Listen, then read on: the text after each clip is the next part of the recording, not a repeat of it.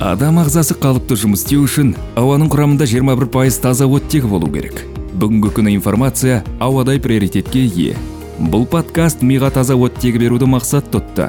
Оттегіні тыңдап ой қоржыныңызды пайдалы ақпаратпен толтырыңыз. Иә достар подкастымызға қош келдіңіздер. Есімім ербол молдажанов оттегінің авторы әрі жүргізушісімін. 2014 жылдан бері медиа саласында жүрмін. Бізде бірінші эпизод қонағы педагог тренер ескендір бестай ескендір мырзамен сонау 2016 жылдан бері таныспыз.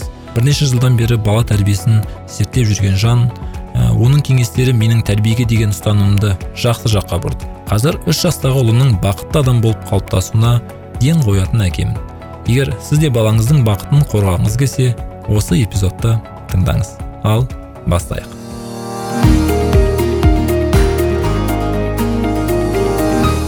Ескендір мырза қош келдіңіз подкастымызға. Қош келдік. Шақырғандарыңызға рахмет. Біз үшін бұл мәртебе.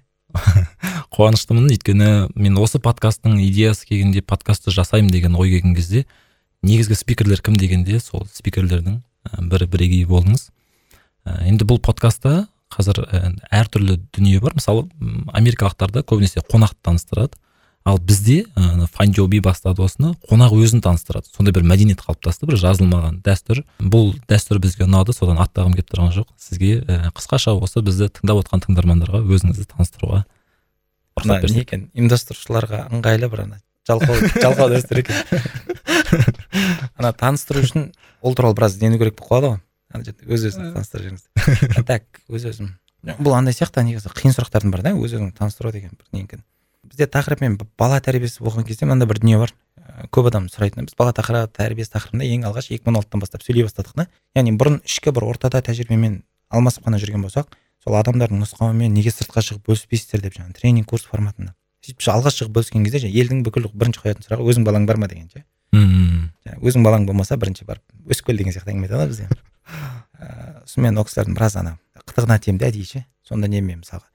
Ә, сынықшы болсам сонда сізді емдеу үшін бүкіл сүйегім сынған болу керек па деп дәрігер емдеу үшін бүкіл аурумен ауырған болу керек па деген сияқты. Мен ойлаймын бала тәрбие тақырыбында сөйлеу үшін белгілі бір моральдық құқық болу керек сияқты. Ә, ол ә, тәжірибесі тиісті білімі. Енді біз педагогика мамандығын тәмамдадық. Өзімді көбінесе педагог тренер деп таныстырамын. Неге? Өйткені педагогиканы біз сонымен қатар мына екі мың он алты екі мың он жеті екі мың он сегізінші жылдары мұғалімдермен жұмыс істедік та яғни ол кісілердің осы бір педагогикалық біліктілігін арттыру бойынша. Түрлі сондай курстар тренингтер ұйымдастырдық. Ә, сол бағытта мына шетелдік тәжірибелерді жинадық көптеген. Соның себебінен мына бір ол кісілерге соны педагог тренер деген форматта таныстырамын көбінесе. А бағанағы әңгімеге қайтып келетін болсақ енді өзің бала шағаң бар ма деген. Құдайдың берген төрт аманаты бар. Ә, солардың бір сынағын соның жүгін аман есен алып шығуға тырысып жүрген жайымыз бар. Бәрекелді. Ә, қысқаша осы күшті таныстыру болды. Ә, және сіз мен келесі қойғым келген сұраққа жартылай жауап беріп қойдыңыз. Бала тәрбиесін осыны зерттеуге ә, бұл тақырыпта сөйлеуге бұл тақырыпта ақпарат жазып осыны таратуға қалай келдіңіз деген сұрақ болған. Ә, ол жаңағы тренингтердің әсерінен болған екен. Енді қоса кетейік ана несі? Мектеп кезінен мен мынандай бір затты байқайтынбыз да балаға әсер бар екенін ше мысалға мынандай болатын ескендір бүжай болатын. Қай жағынан? Бүкіл жаңағы жеңгелердің туысқандардың балаларын мен ұйықтататынмын да. Сосын балаларым менімен қорқытатын ше ескендір келе жатыр тамақ же деген сияқты не екенін білмеймін балалар менен қорқатын. Мысалы төрт бес баланы бір бөлмеге кіргізіп мысалы сағаттап ұйықтата алмайтын балалар түсте ұйықтатады ғой бір он бес жиырма минут ұйықтатып тастай алатынмын да. Оның бірақ ода бір ешқандай ішкі мазмұн болған жоқ ешқандай мән болған жоқ сондай бір сыртқы формасы ғана бар болды. Сосын қатты бір өзімді балажанмын деп айта алмаймын да ол кезде. А кейін мына педагогикаға келген кезде баланың ерте жастағы дамуын зерттеп оқи бастадық қой мамандық ретінде. Сол кезде баланың мысалы миында не болып жатқандығын түсіну түйсіну бір қатты әсер етті да. Мысалға мына баланың жаңадан тілі шығып жататын кез бар ғой ана бүлдіріліп бүйтіп бірдеңкелер сөздерді айтуға тырысып жатқан кезде ересектер бір тамсанып күліп жымиып бір ана а бірақ бала үшін ол ең үлкен стресстің бірі да. Яғни өзі қасындағы адамдар сияқты сөйлей алмай жатыр миы қиналып жатыр. Елестетіңізші бір шет тілін білмей бір шетелге түсіп кеткен жағдай сияқты ғой. Сөйтіп тұрған кезде шетелдіктер сізге бүйтіп күліп деп тұрса одан сайын ғана стресс арта түседі да. Яғни осындай бір нюанстарды білмейтіндігіміз біз бала әлемін қаншалықты танымайтындығымызды көрсетті да? Сөйтіп жаңағы мынандай бір не болды? Педагогикадан оқып жүрген кезде түрлі эксперименттер істейміз жаңағы тәжірибелер естиміз баланың ойыны қашан қанады деген жаттығуларды көреміз. Ол келеміз де бірден жаңағы туысқандар қарындастар інілер істеп көреміз ана ше. Бірден нәтижесін көреміз таң қаламыз. Кейде болады жаңағы бір жеңгеміз мысалы бір ә, баласын дәретке үйрете алмай жүреді. Жаттығуын білесің істеп көресің ана бір екі үш жаттығудан кейін үйреніп кетеді отырып кетеді. Ана бір сиқыр сияқты болып көрінеді да сол кезде мынандай бір түйін болды. Мә бала тәрбиесі негізі біз ойлағандай қиын емес екен ғой бәрі оп оңай екен ғой. Біз өзіміз сау басымызда сақина тілеп қиындатып алыппыз ғой деген түйін болды. Сөйтіп кейін өзіміз әке болған кезде осы бір ә, білім басқа форматқа ауысты десе болады да. Андай бір қолданбалы. практикалық форматқа иә. Қолданып көру. Ана біреудің баласына қолдану бөлек өз балаңа келген кезде мүлдем басқа ғой. Енді соны істеп көру ана бір тәжірибелерді көру. Бір тереңдік пайда болды десем болады да. Әке ретінде мен не істеуім керек деген сұрақ болды менде ше. Яғни ең алғаш бала дүниеге келген кезде бүйтіп ана баланы қолға алған кезде мен биологиялық тұрғыда әкесісің одан қашып құтылмайсың бірақ ол бір минимум деңгей сияқты да. Яғни оның жаңағы киімін тамағын тауып беру ол бір сондай минимум. Енді одан ары не керек? Қандай бір амал бар? Менің мойнымдағы бір миссиям не деген сұрақ болды да. Сол бір ойдың сол бір ана ішкі рефлексияның нәтижесінде осындай бір түйінге келдім де менің ойымша кез келген ата ананың мойнына жүктелген екі ақ міндет бар. Баланың алдында ол оны жаңағыдай шексіз жақсы көре алу. Бұл шексіз деген не жақсы көру деген не өз алдына бөлек бір түсіндіруді бір ұғымды ашуды талап етеді анықтама беруді. Онымен екіншісі жаңағы шартсыз қабылдау. Екеуі де былай қарасаңыз жаңағыдай оңай сияқты болып көрінуі мүмкін бірақ шын мәнісінде ауыр әрекет иә ауыр әрекет. Егер бұл сипат біздің мойнымызда болатын болса ата ана ретінде онда шынымен баланың бақыты баянды екендігіне ешқандай күмән жоқ та. Кепілдікпен айтуға болатын сияқты. Енді жаңағы өзіңіз жауабыңызда жақсы шартсыз қабылдау деген дүниені айтып қалдыңыз. Ә, мен ә, қазір оны бала тәрбиесінің формуласы деп қабылдаймын да. Осыны бір түсіндіріп берсеңіз тыңдармандарға. Шексіз жақсы көру шартсыз қабылдау деген не ол? Енді ыыы тереңдей берейік па? Тереңдей берейік тереңдей берейік так шартсыз қабылдаудан бастау керек. Енді шартсыз қабылдау өзі аты айтып тұрғандай біз баланың тұлғасын әрекетін емес тұлғасын шартсыз қабылдай аламыз да. Яғни оның мысалға бойы мінезі ә, қылықтары соның бәрін алған кезде оның бір болмысын қалыптастыратын дүние бар ғой.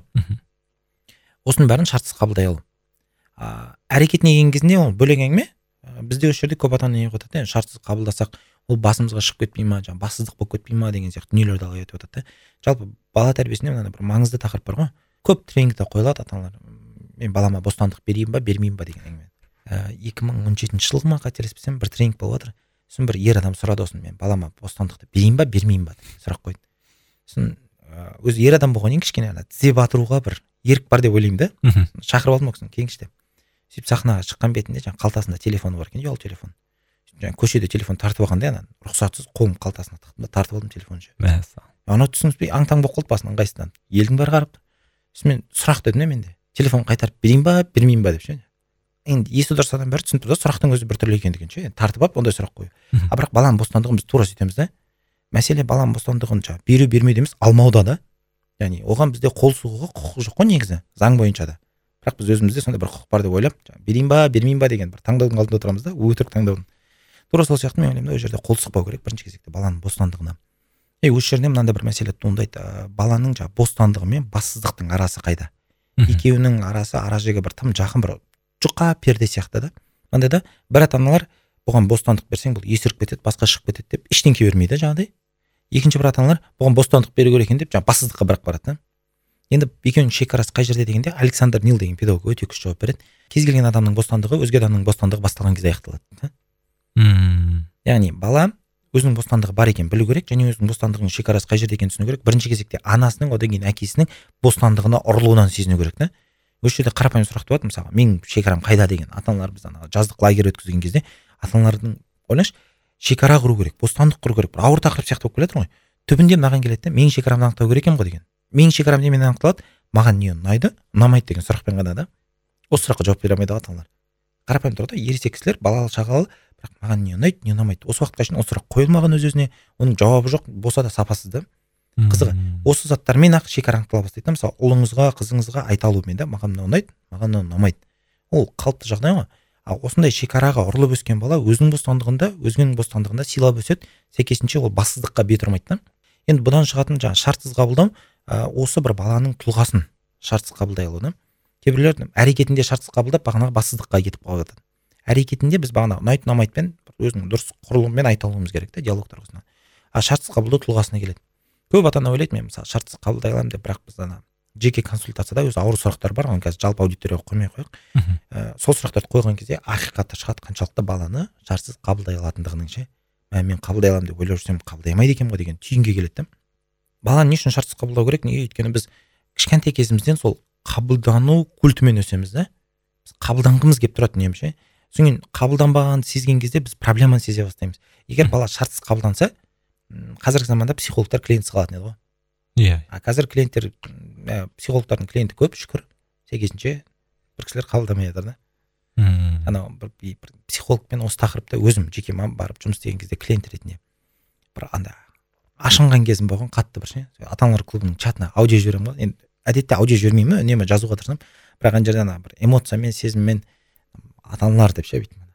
Біраз жұмыс істеп келе жатқан кісілер ғой бір жылға жуық. Там, болашақ психологтың клиентін дайындамайын десеңіздер қазірден бастап әрекет әрекет етіңіздер деп ше. Ә, шартсыз қабылдау деген осы бір тақырып деп ойлаймын. Енді ә, екіншісі жаңағы шексіз жақсы көре алу ол ыыы махаббат пен екеуі екі бөлек тақырып та кішкене. Мен ата аналарға қайтадан қалжыңдап кететінім бар жаңағы сіздердің балаларыңызға деген махаббаттың барына менде еш күмән жоқ ана ретінде әке ретінде. Бірақ сіздердің жақсы көре алатындарыңызға күмәнім бар деп жаңағы ше. Өйткені шынымен жақсы көре алу ол бір деңгей ол бір ана әрекет ететін бір күшті талап ететін қабілет та. Мхм. егер біз жақсы көруді осы жаңағы шексіз жақсы көруді үйренсек онда ол баланың ойлаңызшы өзіне де бір ә, брак сезінбейді ғой. Өзін кемел сезінеді да менде проблема жоқ. Мен толық адаммын абайдың айтатыны ше мысалы. Енді мысалы жақсы көруді осы әрекетке айналдыру бұл қалай жүзеге асады жалпы мысалы? Жақсы көре алу ма? Жақсы көре алу иә мысалы махаббат. Мен шатастырамыз ғой сіз мысалы тағы айтасыз. Біздің баланы жақсы көреміз махаббат деген ол уайым деген сияқты. Көбінесе уайымдап кетеміз Иә, иә, иә. ол енді шын мәнінде махаббат емес ол жақсы көру емес ол уайымнан тұрады да. Ал жаңағы бізге махаббат эмоция бар оны әрекетке ары қарай енді сол жақсы көруге айналдыру керек қой осы процесте. А, бізде тыңдармандардың көбі жаңа шығар мынандай бір тұрғыдан кіріп көрейік. Жалпы сезім бар эмоция бар. Біз осы екеуін қатты бір ара жігін ажырата алмайды екенбіз да. Екеуі синоним сияқты ғой немесе орысша қазақша аудармасы сияқты. Бірақ сезім мен эмоция біздің бойымыздағы бір екі түрлі құбылыс екен. Сол эфирда соны аштық қой жерде идея бұны маған түсіндірген сол эфирда да айтамыз ол канадалық психолог гордон ньюфолд екі мың он сегізінші жылы астанада кездесіп қалдық та кісінің мастер классына қатысып сол кезде ашып берді осы тақырыпта сезім деген не эмоция деген не. Және мына эмоциялар ол былайша айтқан кезде табиғатта баяғыдан бері өзгермеген дейді да. Қорқыныш уайым махаббат деген сияқты бір базалық бір ғалымдар бесеу десе біреулер жетеу дейді бір эмоциялар бар. Енді мәселе неде? Мәселе осы эмоция біздің бойымызда қалай көрініс табады. Яғни эмоция сезімге қалай конвертацияланады ғой? Осы жерде ә, әртүрлі болады. Біздің тәжірибемізге қарай өткен білімімізге қарай әркім бір эмоцияны әртүрлі сезінеді екен да. Бір отбасының өзінде де мысалы бір оқиға болып бір қайғылы эмоция болатын болса жаңағы біреу жылайды біреу жыламай қатайып отырып алады деген сияқты. Сезім кезінде өзгеріске ұшырайды екен де. Сезім деңгейінде кәдімгідей түрленеді екенбіз. Сөйтіп жаңағы александр нилдың әңгімесі ол ә, жақсы көру жек көрудің антонимі емес екеуі былайша айтқан кезде жаңағы махаббаттың көрінісі дейді да. Біреуі сауатты біреуі былайша айтқан кезде шикі сауатсыз көрінісі. Махаббаттың антонимі ол немқұрайлық дейді. Яғни маған нигилизм дейді ғой маған бәрібір болатын болса игнор иә игнор. Онда ол ол, немқұрайлық. Осы дейді да антонимі махаббаттың. А біз ана от любви к ненависти один шаг деп жататыны сол жай ғана ана сезімнің бір бұрылып кететін кезі ғой. Біз кейде баламызға ұрсып не өкінішке қарай кейде айғайлап жаңағы бір ұрып қойып мен сені жақсы көргеннен істеп жатырмын деп айтады ғой. Негізі мойындау керек та жақсы көргеннен емес жақсы көре алмағаннан істеп жатырмыз да біз оны. Яғни жақсы көруге біздің тәжірибеміз біліктілігіміз жетпегеннен кейін істеп жатырмыз ғой соны. Мен үнемі келтіретін мысал мынандай да.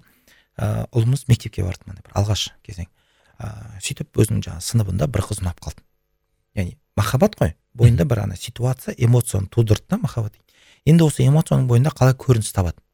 Әдетте жаңағы ана қыздың шашынан тартып қалу түртіп қалу жаңағы керек десең сөмкемен ұрып қалу қыс болса құлату деген сияқты. Әдеттен біз сондай көрінісін көрдік қой. Иә. А бірақ соның сауатты көрінісі бар да бағанағыдай білмеймін. Сыйлық жасау хат жазып беру деген сияқты.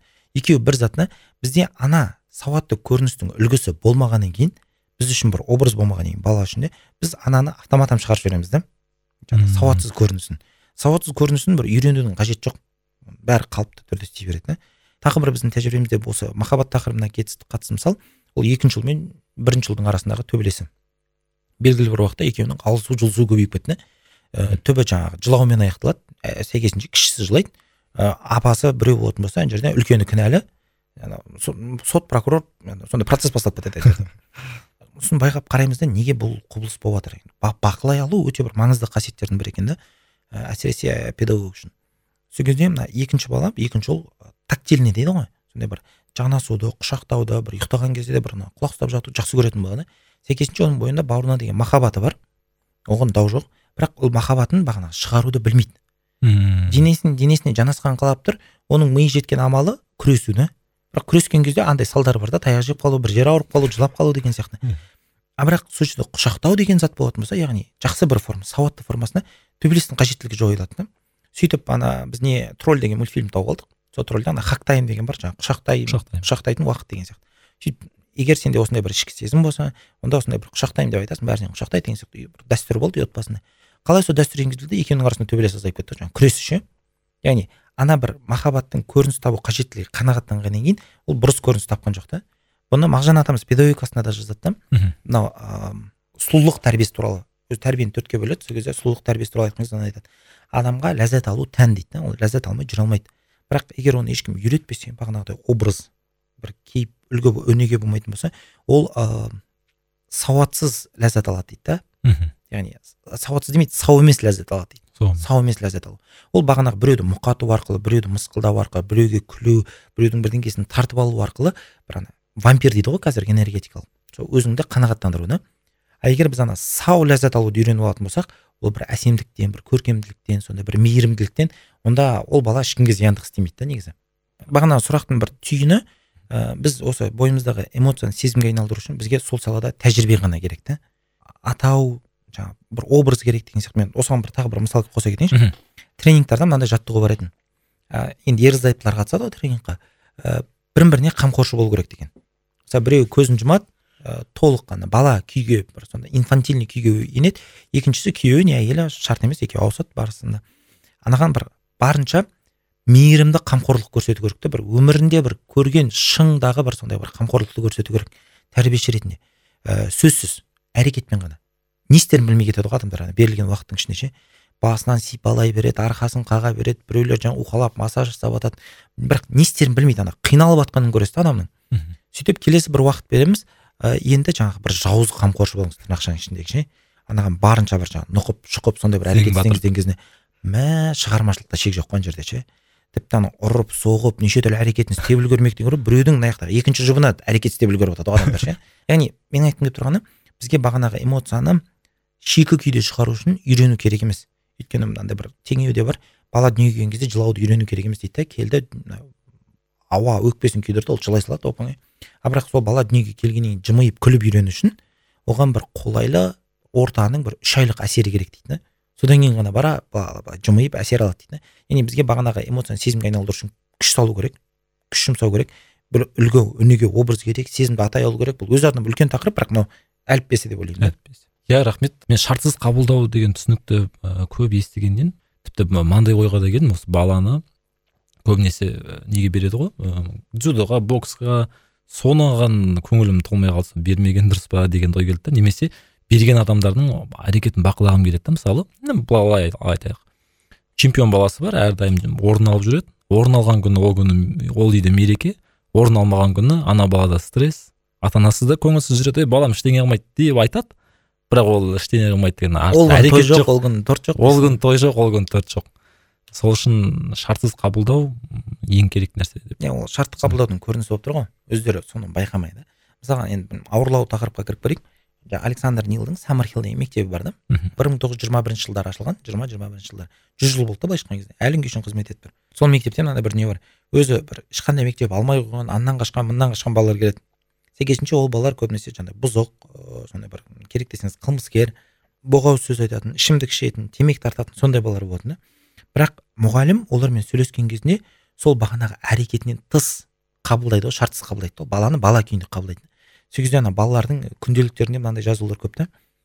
Басқа жердің бәрінде біз осы бір әрекетіміз үшін сөгетін дейді да ұрсатын. Мына жерде мына мұғалім мына директор бізді ол әрекет істеп тұрмаған сияқтап қабылдайтын дейді да. Мәселе неде? Біз баланы не үшін шартты қабылдаймыз? Бұл бір психологиялық мәселе болып кетеді бірақ ә, біз баладан бір жақсы болса екен деген бір ниетіміз бар ғой бағанағы аюдың тақырыбында.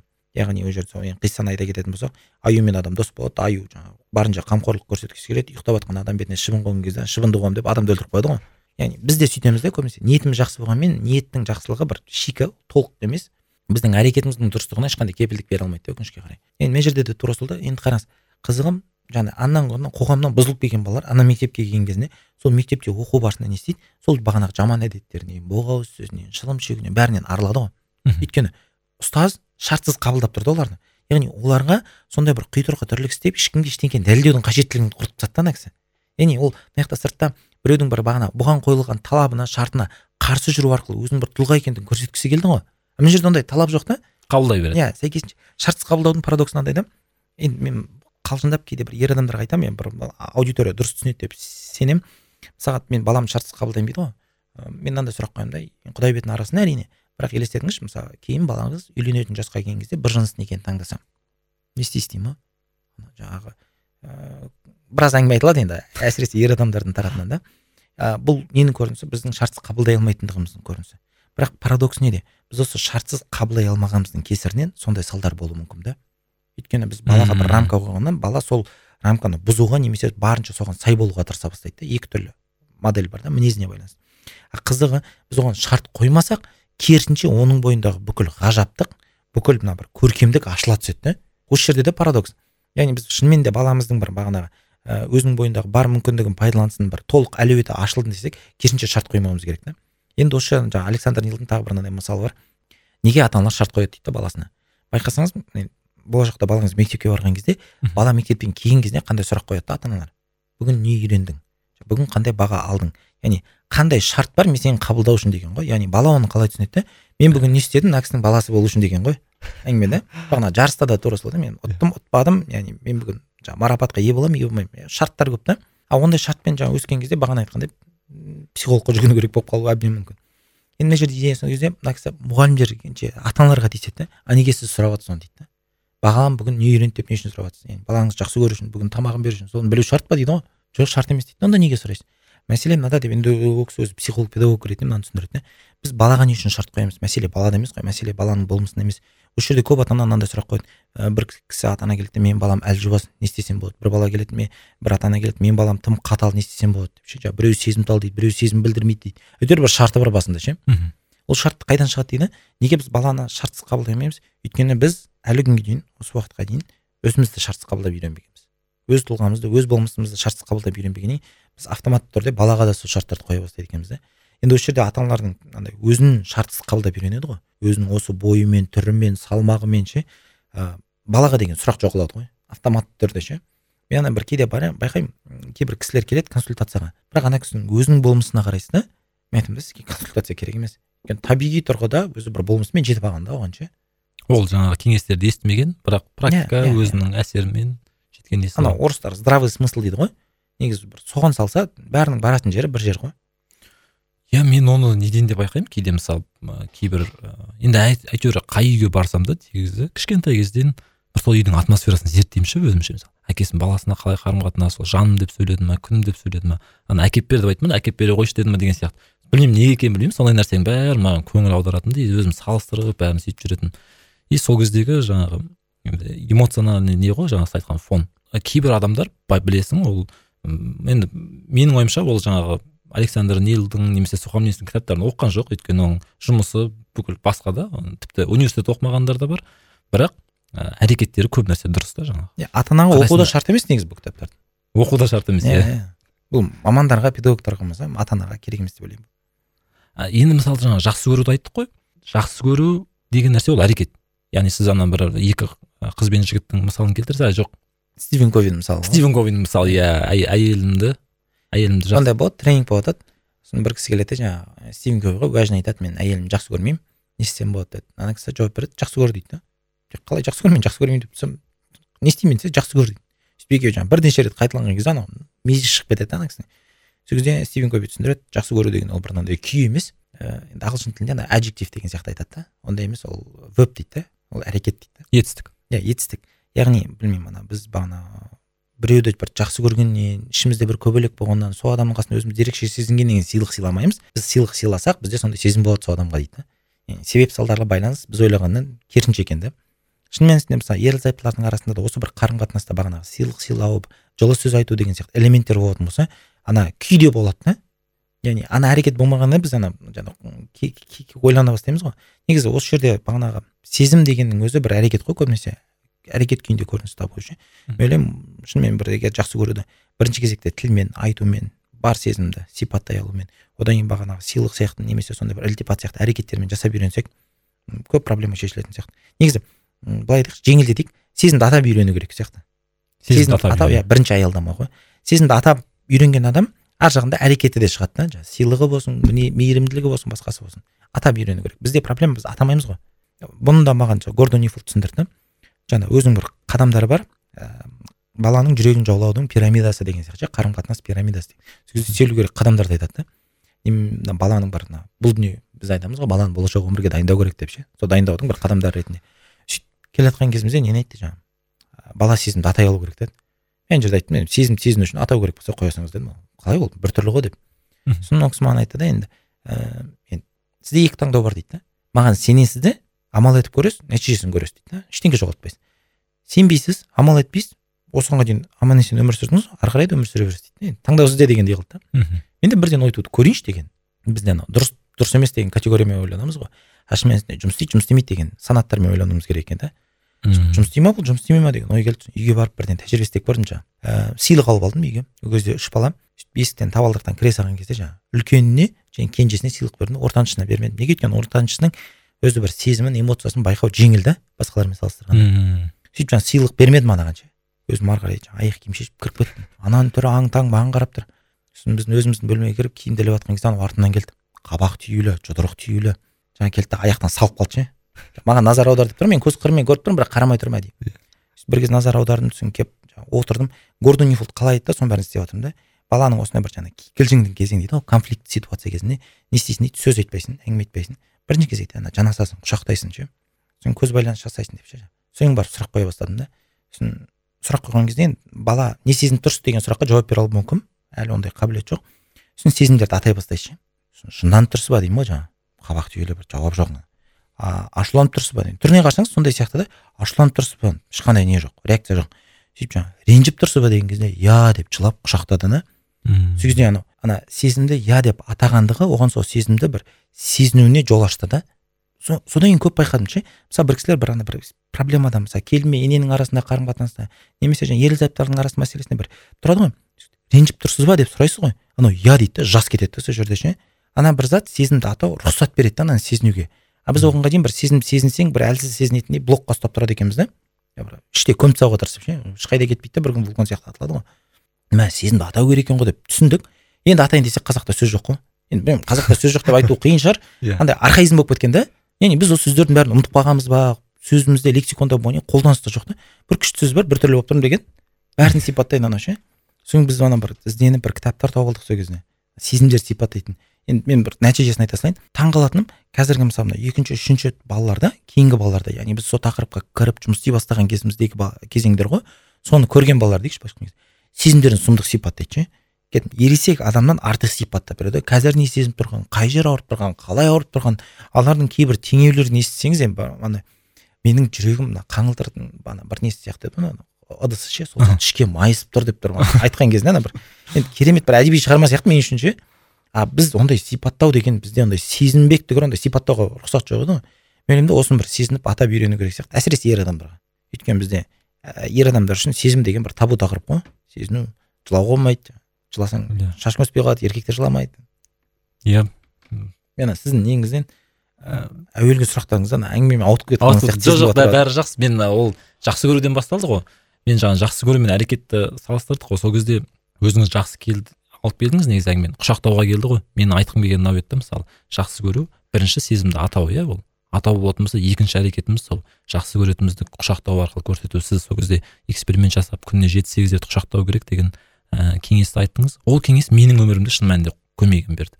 Қазір ә, бір ұлым бар. Біз құшақтасамыз күнде үш төрт рет құшақтасамыз. Тіпті кейде мен оған жақсы көремін деген сөзді айтуды ұмытып немесе құшақтамасам ол өзі келіп еске салады ғой. Өзі келіп құшақтайды да. Күтеді мүмкін.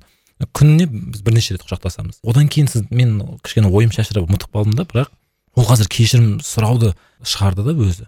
Сіз жаңа ұнайды ұнамайды деген дүние ғой. Сол өз шекараны анықтау әркімнің өзінің шекарасын анықтау ұнайды ұнамайды. Кей нәрсе маған қабағың тисе ол саған келіп сұраса немесе кешірім сұраса ол яғни ол шекара деген дүниені өзінің деңгейінде түсініп тұрған сияқты да. Кейде бір нәрсені ұстап қалады кішкене қабағын шытпасаң кешірім сұрап ә, адамның қабағына қарай біледі да.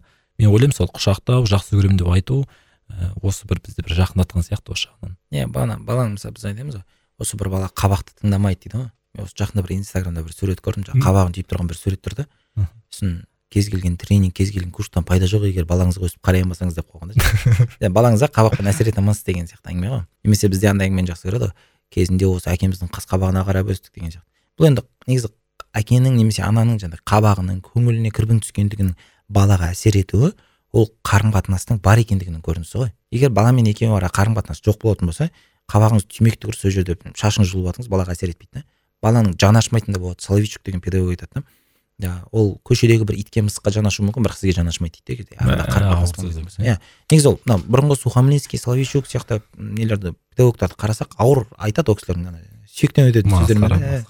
мен содан да көп кісілерге айтамын да ол кітаптарды оқымай ақ қойыңыздар білмеймін ана гипнорейтерден бастаңыздар деп ше асықпай бір қарапайым дүние айтатын.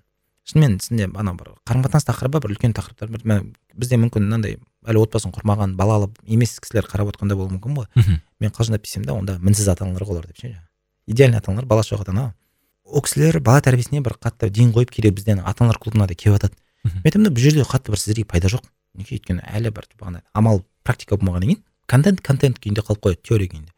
Сізге не керек? Сізге қазір үйрену керек менің ойымша қарым қатынасты егер мысалы әлі отбасын құрмаған тұрмысқа шықпаған болатын болсақ онда қарым қатынасты үйренсе қарым қатынас құру қабілетін үйренсе онда былайша айтқан кезде бала тәрбиесінде проблема болмайды. Біздің бір таныстарымыз бар олар да осы консультация тренингпен айналысады қарым қатынас тақырыбында. Сосын мен қалжыңдап берсем да сіздер өз жұмыстарыңызды дұрыс істесеңіздер негізі бізге клиент жоқ қой деп ше? Шынымен да өйткені ата ананың арасындағы қарым қатынас выготский деген психолог айтады поведение ребенка это проявление отношения родителей дейді. Яғни баланың болмысы ол ата ананың қарым қатынасының айнасы. Яғни екеуара қарым қатынас қалай бұзылады бала оны бір ділдік деңгейде менталды деңгейде өте қатты сезеді. Бірінші кезектегі реакциясы қандай болады мен кінәлімін осының бәріне. Менде бірдеңке дұрыс емес. Менің келгенімнен осындай болып жатыр бәрі еш қатысы жоқ болуы мүмкін баланың бірақ тура осылай сезінеді да мынандай бір жағдай болды практикада ә, бір кісінің баласы ауырып қалды. Ауырғанда андай түсініксіз бір сырқат та бала орнынан тұра алмайды жүре алмайды аяқ қолы істемейді.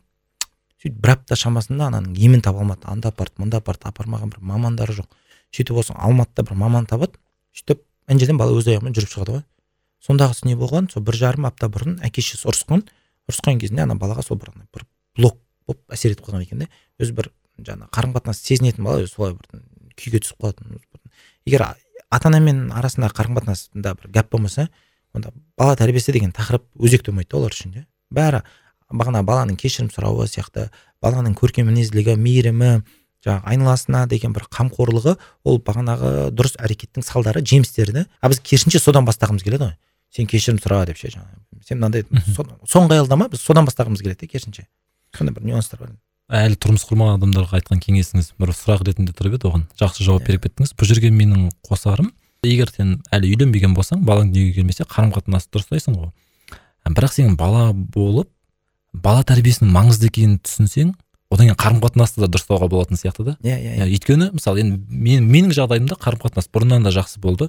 Бірақ бала тәрбиесінде сізбен кеңескенде ақылдасқан кезде ә, осы тақырыптарды көтеріп ә, жаңағы келіншегіңіздің жағдайы жақсы болу керек көңіл күйі жақсы болу керек әсіресе үш жасқа дейін деген дүниелер айтқан соң ә, автоматом одан арман қарым қатынас жақсара беретін сияқты да. Яғни біз екінші қадамнан бірінші қадамға бәлкім тереңдейді тереңдей тереңдей түсесің иә. Ана бір зат қоса салайыншы біз бір ата аналар клубында сол қарым қатынас тақырыбын көтере бастадық. Мхм. Өзі бір үшінші блок па сол қарым қатынас етін сол кезде ата аналар андай бір сұрақ туындады да біз бұл жерге бала тәрбиесін үйренуге келдік қой ерлі зайыптың арасын талқылауға екеуі өзара тығыз байланысты дүние ғой. Иә. Осы жерде мен біздің тақырыпқа профильға сай келмейтін шығар бірақ айта салғым келеді да. Көп отбасы былай ойлайды сыйластық болса болды деп ше.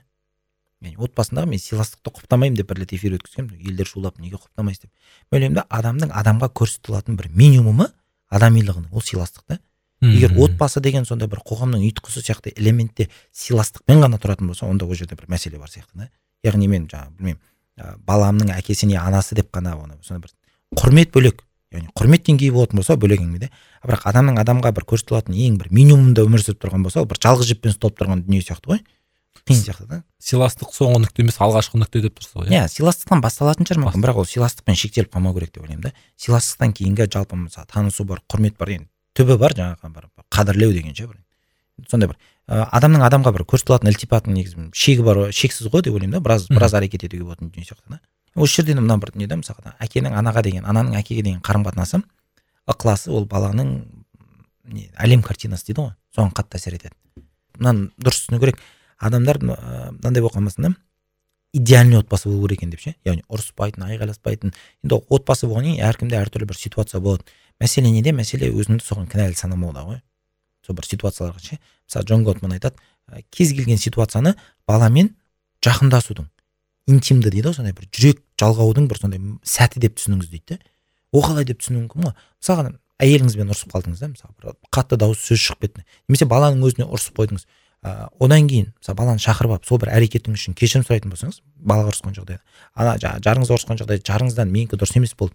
Мен жаңағы дұрыстау үшін мен не істеуім керек? Мен кешірім сұраймын деген сияқты өзінің заңдылығымен кешірім сұрайтын болсаңыз ол баланың миында жаман естелік болып қалмайды дейді ол баланың миында кешірім сұраудың үлгі өнегесі болып қалады дейді яғни кез келген ситуацияға біз былайша айтқан кезде проактивті қарайтын болсақ осылай бір дұрыс қырынан аударып жіберуге болады екен да мхм сіз мына жауап беріп отқан кезде маған ана дүние ойыма келді. Бесте бір деген формула ғой деймін. Иә, иә. бір бір негатив дүние болса оны бес позитивпен шабу керек. Нөл болады сол кезде сол кезде нөл болады иә. Сол кезде ол орын ол ана мынандай бір зерттеу бар. Ыыы қателеспесем үш мыңға жуық адам қатысады. Сөйтіп сол зерттеудің нәтижесінде адамдарды іріктейді кім өзінің балалық шағын бақытты өтті бақытты өтпеді деп бағалайды деп. Сөйтіп бақытты өтті деген адамдарды іріктеп алады да ә, бақытты өтті деп бағалауға қандай критерий әсер еткендігін танысуға тырысады ғой не себеп ойыншығының болуы ма бөлмесінің кеңдігі ма қандай мектепте оқығандығы ма қандай киім кигендігі ма жоқ оның бәрі емес екен. Ә, бір басты критерий шығады ол қарым қатынас ол қаншалықты бала өзінің әке шешесімен сондай бір қарым қатынасты бір сол әкесінің бір естелік айтып беріп жатқан сондай бір мүмкін бір ертегі оқып беріп жатқан қаншалықты сондай бір қарым қатынастың элементтерін есіне түсіре алды бұл соншалықты ол бақытты деп бағалайды екен да. Яғни қарым қатынасқа келіп тіреледі да қайтадан. Кейде болады жаңағы біз балаға бір ұрысып қойған болсақ ол бағанағы балалық шақта жаман деп бағалауына себепші болуы мүмкін. Енді ол себебін сол бір әсерін жою үшін бағанағы бес позитив болу керек дейді да бір негатив. Сол кезде ол нөл болады. Плюс болмайды әлі. Нөл болады. дейді яғни осы бір бесте бір деген пропорцияны ұстану керек деп айтады да психолог мамандар. Енді осы жерде біз сол мағжан жұмабаевтың педагогикасына қысқаша тоқталсақ одан кейін сол тәрбие деген не дегенге қысқаша жауап берсеңіз күшті болар. Мынандай сияқты мағжан атамыздың педагогикасы енді былай классика ғой. Ә, бұл енді ата анаға да жаңағы мамандарға да оқу керек кітап деп ойлаймын. Ә, сенесіз бе? Ол да жүз жыл болған кітап қой жазылғанына. Иә қателеспесем жиырма бір жиырма үшінші жылдары жаңағы ташкентте басылып шыққан кездері ең алғаш. Бірақ әлі күнге шейін өзекті да яғни ә, мысалы жаңағы барбара оклидің нейрон ми жасушалар туралы айтқан әңгімесі педагогиканың ішінде бар да. Ана енді ол жерде идея мынандай мақсат мынандай болды да ол кісілердің алдында. Ә, қазақ даласында қаншама бала дүниеге келіп жатыр. Бірақ ол өз жасына өзінің сол бір жаңағы табиғатына сай дамып жатыр ма деген сұрақ болды да. Ә, қазіргі бізде ай сайын терапевттер тексереді ғой баланы дүниеге келген кезінде. Жасы бойы салмағы деген сияқты. Сондай бір ата ананың қолынан нұсқаулық ретінде жазылған еңбек та сәйкесінше сол үшін оқу керек деп ойлаймын. Бірақ кейде оның өзі ауыр болып кетуі мүмкін. Сол үшін жүсіпбек аймауытовтан бастаса да болады. Ол кісі енді көбінесе мақалалар жазған да ата анаға деген.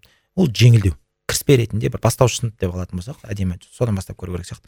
Одан кейін барып мағжан атамызға келсем енді осы жерде мағжан атамыз не дейді? Мына бір тәрбие жаман болмайды деген бір әңгіме айтады да. Ол кісінің маған ұнайтын бір екі дүниесі бар.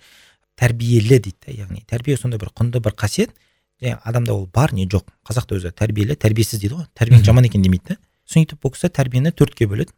Дене тәрбиесі ақыл тәрбиесі құлық тәрбиесі сұлулық тәрбиесі деген сияқты. Енді ол мысалы қызық бұл қайтадан өзімізде барды бағалауға келетін болсақ екі мың алтыншы жылы қателеспесем шыққан стивен ковидің восьмой навык деген кітабы бар. Сол жерде осы төрт сипат айтылады жаңағы. EQ, LQ, IQ деген сияқты ше. Енді бір ана жерде айтылып кеткен дүние да тура сол дүние. Иә. Осы бір тұрғыдан келу керек енді осы жерден бағана тәрбиенің анықтамасына бір мынандай зат қосқым келіп тұр. Ә, яғни адам тәрбиелі болады.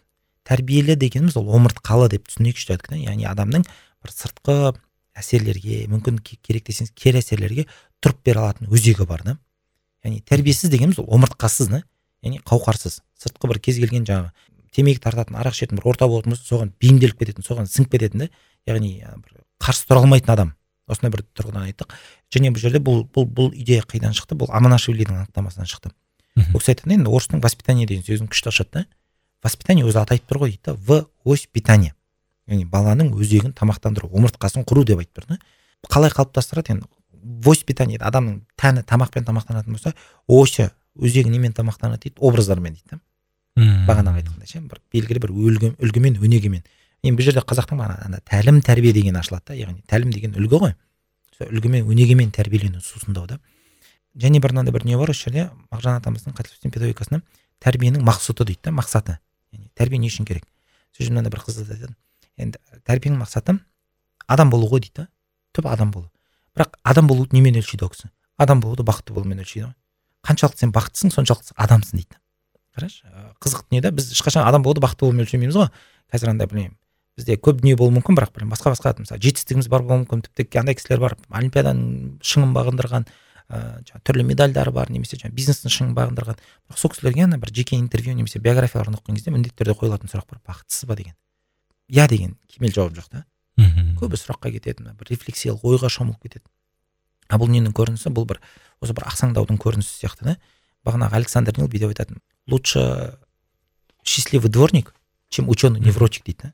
Бір ана бір құндылықтарды дұрыс қою сияқты да. Ол кісінің мектебінен ешкім андай бір ученый болған жоқ емес ешкім дворник болып кеткен жоқ. Бәрі керісінше бір биік белестерді бағындырған тұлғалар болды. Бірақ өзінің бақытына нұқсан келтірмейді. Ойлаймын да қазіргі осы бір ә, тәрбиеге осылай қарайтын болсақ яғни оның бақытты болуы. Нұқсан келтірмей сол бақытына бар бақыт негізі бала бізден бақыттырақ қой. Білмеймін кредиті жоқ болғаннан кейін төлейтін жалы жоқ болғаннан кейін ба бақыттырақ қой. Болмысынан бақыт біз баладан үйренуіміз керек сияқты ғой осы жерде керісінше. Адам болуды. Александр нил деген бағанадан бері айтып жатқан педагогтың осы бақытқа қатысты бір қызық мынандай теңеуі бар да. Егер бақыт министрлігі болған болса және ол өзінің жұмысын сапалы орындаса онда бізге басқа министрліктер керек емес еді дейді мысалы денсаулық сақтау министрлігі неге өйткені бақытты адамның дені сау болады қаншама зерттеулер соны дәлелдеп жатыр да.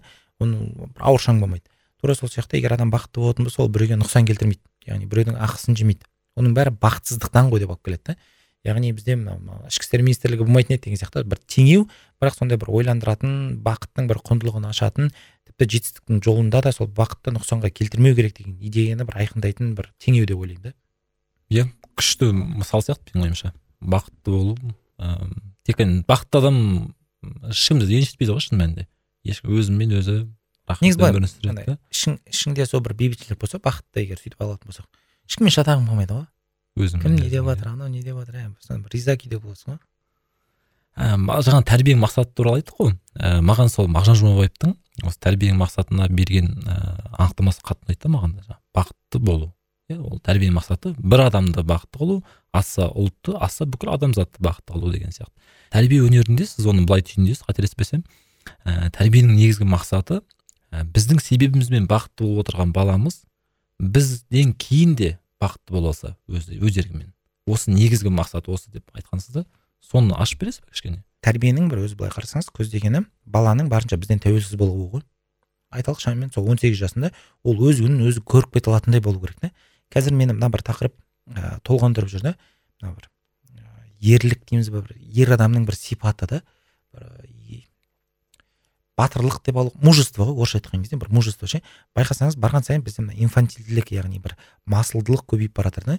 Яғни біз барған сайын тәуелдіміз. Неге? Өйткені бүкіл ата ананың істеген әрекетіне қарасаңыз баланы тәуелсіз ету үшін емес ұядан ұшырып шығару қанатын қатайту емес керісінше тәуелді ету да барынша ұядан шықпайтын өзіне сондай бір инкубатордан бір сондай бір қолайлы дүниеден шыққысы келмейтін адам тәрбиелеу болып көрінеді да бүкіл әрекетіне қарасақ. Бұл жерде идея сол еді қазір бала бұл дүниеде енді ана біздің себебімізбен бақытты болып жатқан болуы мүмкін. Тамағы бар күйі бар біздің жаңағы жылы қарым қатынасымыз құшақтауымыз жақсы көремін деген сөзіміз бар. А енді болашақта сол бір сөздерден тіпті бізден де тәуелсіз жалпы сыртқы фактордан тәуелсіз болатын бір бақытты тұлға тәрбиелеу деген идея болды. Егер біз шынымен осыны қамтамасыз ете алатын болсақ ол тұлғаның алмайтын шыңы болмайды.